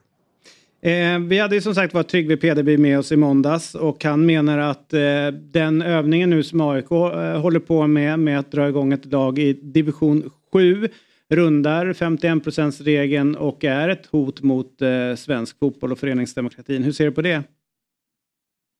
Nej, jag håller nog inte med Tryggve där. För det första är ju, är ju den en egen förening. Det är ju inte, det är, ju, det är två skilda föreningar här med eget årsmöte, egna medlemmar, egen eh, styrelse och så vidare. Så man ska skilja det här från, från AIK, FF, eh, så är, det här, så är det här en egen förening och vem som helst kan ju liksom vara medlem och delaktig i, i, i det föreningslivet ändå. Så att där, där, tycker jag, där tycker man behöver skilja på det. Och vi bryter absolut inga regler och gör ingen, liksom, om man nu vill han uttrycka det i sitt uttryck, Bayern utan vi, vi, vi startar en ny förening eh, från grunden. Och, och, eh, ja. Vilka sitter i styrelsen i den här nya föreningen? Nej, just, just nu är det ju, är det ju personer inom, inom AIK, men det, det, det, kan ju ändras här med tiden när den här föreningen växer. Just nu är det ju, är det ju en väldigt liten förening självklart. Men vår förhoppning är ju att det här ska bli en, en större egen fristående förening också. Eh, sen är det ju som för alla, vi behöver ju skapa spelmöjligheter och träningsmöjligheter och bra matchmöjligheter för, för alla våra spelare. Det är inte alltid så lätt heller. Var det vi eller han? Ja, men eh, om man kommer utifrån, jag blir nyfiken på syftet. Är det just att liksom kunna eh, ge en större så att säga AIK-trupp fler eh, spel och spelmöjligheter i en högre division? Eller vad, vad, vad är tanken bakom startandet? Nej, alltså, vi, vi behöver hitta, hitta bra matchmiljöer för alla inom AIK och många dessutom är så att man kommer liksom till ett P19-lag och alla hamnar ju inte heller i, i AIKs herrlag eller och så vidare utan det är ju att hitta spelmiljöer för de som vill spela seniorfotboll även om man liksom inte är på, på allsvensk nivå eh, så vill vi hitta liksom olika spelmiljöer och det är, det är därför vi gör ett sånt här projekt. Men det är klart att eh, potentiellt så finns det ju, i och med att det inte finns no, det är inte reglerat, alltså om, om alla allsvenska lag skulle dra igång en egen förening och som, som sen vandrar upp i, i seriesystemet så är det klart att vi har en potentiell krock där, där det finns ett tydligt ägarintresse eller medlemsintresse från AIK in i den här klubben, Hammarby och HTFF, om eh, Nor Norrköping och Sylvia. Alltså, det skulle ju potentiellt kunna vara en högsta liga där AIK eh, ena lag möter det andra laget eh, längre fram. Det, det, måste väl ni också se att det finns farhågor att folk lyfter det? Ja, nu får man inte ha två lag i, på, på, i samma liga. Nej, men i och med att det är en egen förening som du säger. Liksom. Ja, det är en, e- ja, en egen... Och då, egen då kan de ju ta hela vägen upp till allsvenskan. Ja, ja absolut. Visst, visst skulle de kunna det. Eh, men det är liksom inte riktigt syftet med det hela heller utan det är ju för att skapa miljöer där, där vi skapar bra seniormiljöer för många spelarna som inte är eh, som kanske annars hade slutat eller inte på allsvensk nivå eller som behöver utvecklas eller och ehm, ja. Eh, jag tänker, alltså, även om det inte finns något regelverk mot eh, en, en känsla i den internationella fotbollen har rört sig någon slags mot en typ av hyperkommersialism och där står ju allsvenskan väldigt starkt som någon slags motkraft som gör den ur ett supporterperspektiv jävligt charmig. Att jag som en vanlig svensson kan faktiskt gå in och vara med och påverka. Och jag säger inte att det är exakt likadant men vid en första liksom anblick kan det se ut som alltså City Football Group. Liksom, mm. Att man, man har lag i olika divisioner och transporterar spelare däremellan. K kan du förstå att det finns en typ av oro från svensk supporterhåll att svensk fotboll ska röra sig åt det hållet också? Och att den här föreningen kanske ses som ett tecken på det? Nej, jag, jag, förstår den tanken men jag tycker nog att det är lite långt ifrån verkligen. Vi, vi är ju i Sverige, vi har 51% regeln och vi står ju bakom liksom hela föreningsvärlden. Så jag, jag känner nog ingen jättestor oro, över att Sverige skulle bli något Citigroup eller eh, sådär. Det, det känns som det är väldigt, väldigt långt bort från, från den värld vi lever i och, och, och det är ingen målsättning vi har heller för den delen. Nej, jag, jag, tänkte mer på själva signalvärdet. Jag förstår att det inte är eh, kanske varken syftet eller till och med möjligt att uppnå. Ja, nej, ja, ja, nej det är klart att alla olika, kan ha olika åsikter men men det är som sagt att det är varken ett syfte eller det vi försöker uppnå heller med det här så att eh, ja, det, där står vi. Just nu är vi ett division 7-lag så att eh, det, är, Jag kan ju säga att jag eh, i grunden så eh, är jag en av dem eh, som har tyckt att AIK ska ha gjort det här för länge sedan. Mm. Men jag har inte tänkt i de tankarna som, som Tryggve lyfte upp och när han lyfte det så blev jag lite konfus över att jag själv hade hamnat så tydligt och inte sett det, sett det. Men jag kan ju förstå att den stora problematiken inom svensk eh, fotboll för elit också det är ju att det finns ju ingen naturlig, om man inte då eh, jobbar med utlåningsförfarande som jag kanske tycker att svensk fotboll ska bli bättre på. Men om man ser den här U21 U23 verksamheten är ju inte tillräckligt vass och det är ju liksom det man har försökt söka en, liksom en bättre miljöer för de som är precis på gränsen till att platsa ett, ett första lag. Att, att spela där man fortfarande kan kontrollera deras deras utveckling. Mm. Och, och någonstans så blir det ju att om, om inte svensk fotboll löser löser det så tror jag att fler kanske kommer hamna i, i det läget där, där AIK och Bayern och, och eh, Norrköping är i. Så jag vet inte, det är kanske att fotbollen inte har gjort, gjort sin läxa och gjort det som jobbet ordentligt för liksom alla de som är precis på gränsen till elitsatsning. Mm. Det är väl bara känslan. Du, eh, vart är du på väg någonstans? Är det till Spanien eller var är det ni har träningslägret? Eh, Portugal. Ja, Portugal är det ja. Alga ja, det är inte helt lätt att ta sig dit. Så det blir väl en hel dag via Paris eller något. Så att, eh, jag är ju sån här snål som bokar de billigaste flygen som finns också. Så att jag mm. ska sitta några timmar på Orly i eftermiddag. Eh, att, eh, Victor Fischer, vad, vad, kan du berätta om honom? Eh, den danske nyförvärvet. Ja, det är den första danska utespelaren vi faktiskt har i AIK har jag fått reda på på 100... 32 mm. år. Ja, vi har haft en målis. Det är tydligen, det är tydligen eh, Um, intressant. Ja, nej, men det är en affär jag håller på med, eller höll på med ganska länge. Jag tror vi tog den första kontakten för, ja, det är väl ett par månader sedan nu. Um, Viktor är ju, um, ja vad ska vi säga, han, han var ju liksom lite Danmarks eh, motsvarighet till Ödegard för kanske tio år sedan när han slog igenom med Ajax och var deras stora framtidsstjärna. Eh, blev såld till Premier League och som alla har man lite upp och ner i karriären. Han Hade några fantastiskt bra år i Köpenhamn. Om man tittar på hans poängsnitt i Köpenhamn så är det ju ett eh, otroligt bra poängsnitt han hade. Eh, sen, åkte han på en, sen blev han såld till Belgien och åkte på en skada för något år sedan. Eh, och sen vart fit for fight sen i somras. Men som i vissa lag så är det så. Man byter eh, sportchef till eh, Overmars, den gamla klassikern, och eh, tränare till Bom, van Bommels, också en gammal klassiker. Eh, mm, verkligen. Holl Holländs nere i Belgien också. Eh, och ja, då hamnade han utanför spel och då uppstod den här möjligheten och sen har det varit många turer med tanke på de här spelarna tjänar ju väldigt stora pengar jämfört med vad vi i Allsvenskan kan erbjuda självklart. Så att det, det har varit många turer och fram och tillbaka innan vi kunde hitta en lösning där inte vi heller behöver spränga banken utan där alla parter kände att de, ja, att de blir en vinnare. Så nu blev det ett, blev det ett lån för säsongen 2023. Ja, vad, vad, vad är Edge där? För precis som du säger, alltså Victor har ju en, en, en väldigt fin karriär bakom sig. Ajax, Middlesbrough, FCK. Han har ju liksom inte tjänat eh, kaffepengar där bara. Vad var det som gjorde att ni kunde eh, locka, vad ska man säga, projektet AIK den här säsongen att, att han skulle ingå i det? Nej men det, det som är alla fotbollsspelare, det är um pengar är en sak, de här, pengarna, de här spelarna har ju redan så mycket pengar så att det, här blir knappt pengarna avgörande för dem själva. Men det är många andra bitar som spelare vill ha. De vill, de vill känna lite kärlek, de vill eh, känna förtroende, de vill veta eh, hur man ser på dem och i hans fall så behöver han kanske lite nystart, han behöver hitta miljö där han får stort förtroende och um, sen är det, ja, det är mycket social försäljning mot honom, eh, flickvännen ska gilla projektet mm. och så vidare. Eh, och sen har han varit många år i FCK och har ju lite den här mentaliteten kring som vi har i AIK som är liksom det är fulla derbyn och han vet vad som gäller. Han, han, han har den mentaliteten och gillar den typ av atmosfär som vi, som vi kan erbjuda i AIK. Eh, sen har vi vissa fördelar mot våra grannar. Vi kan erbjuda naturgräs.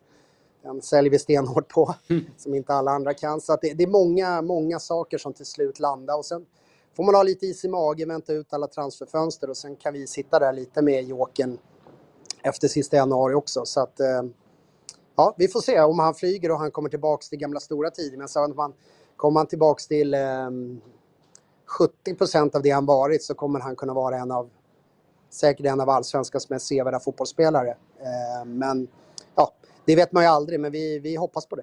Kommer han bli ett prejudikat för danska utespelare i AIK framöver så att ni kanske åker och scoutar lite där mer än vad ni gjort tidigare? Nej, jag, jag vet inte. Supportrarna har, har problem med det här med att vi inte textar eh, våra intervjuer med honom och så. Så att det har blivit mycket, mycket fokus på Danmark en stund. Så att, nej, det, ska jag inte säga, det här var nog mer... Det här, det här var nog mer, jag hade lovat en spelare från, eh, precis som Jimmy Durmaz, spelare från övre hyllan. Och det här är verkligen en, en spelare från övre hyllan som har en lång karriär.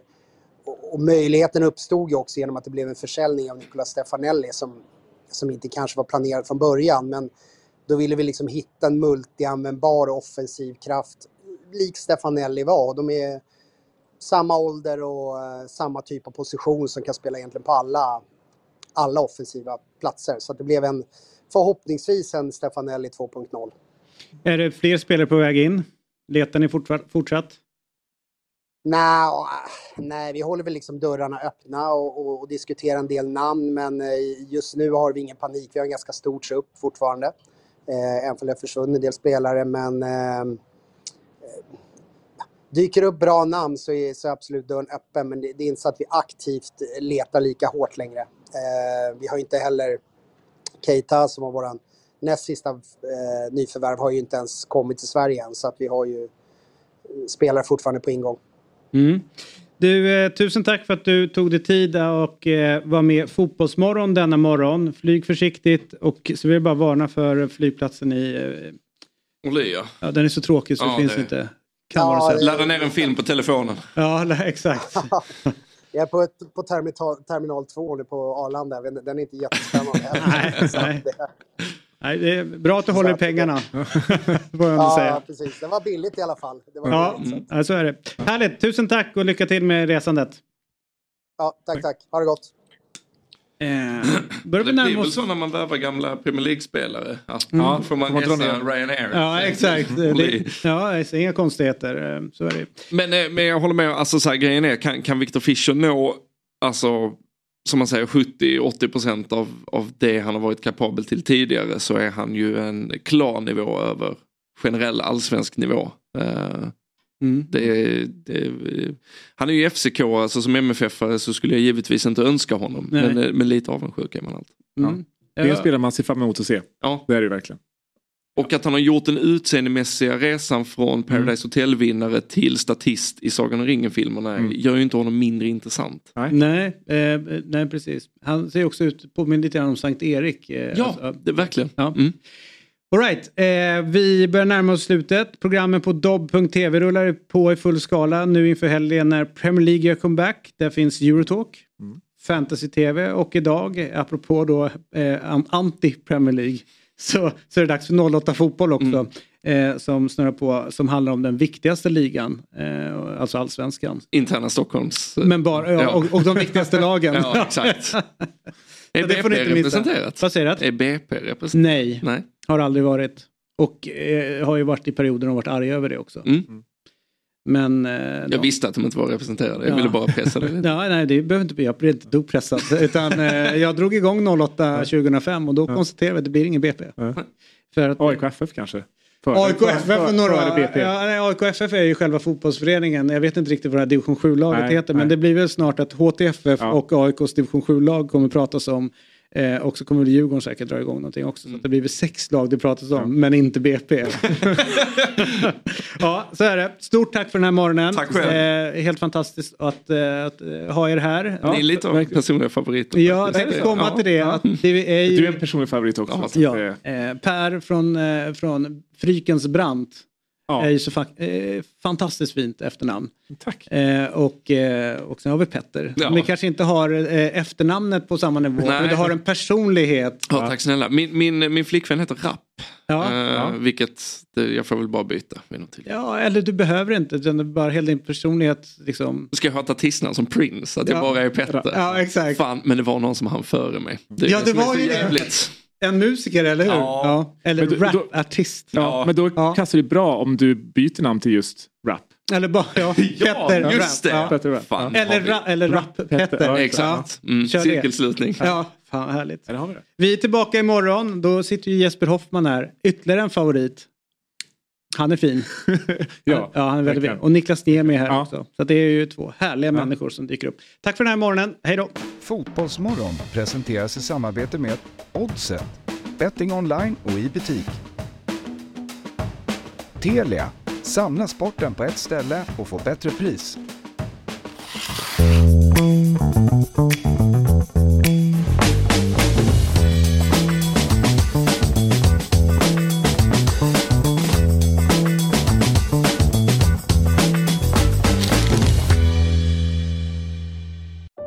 Säsong av Robinson på TV4 Play.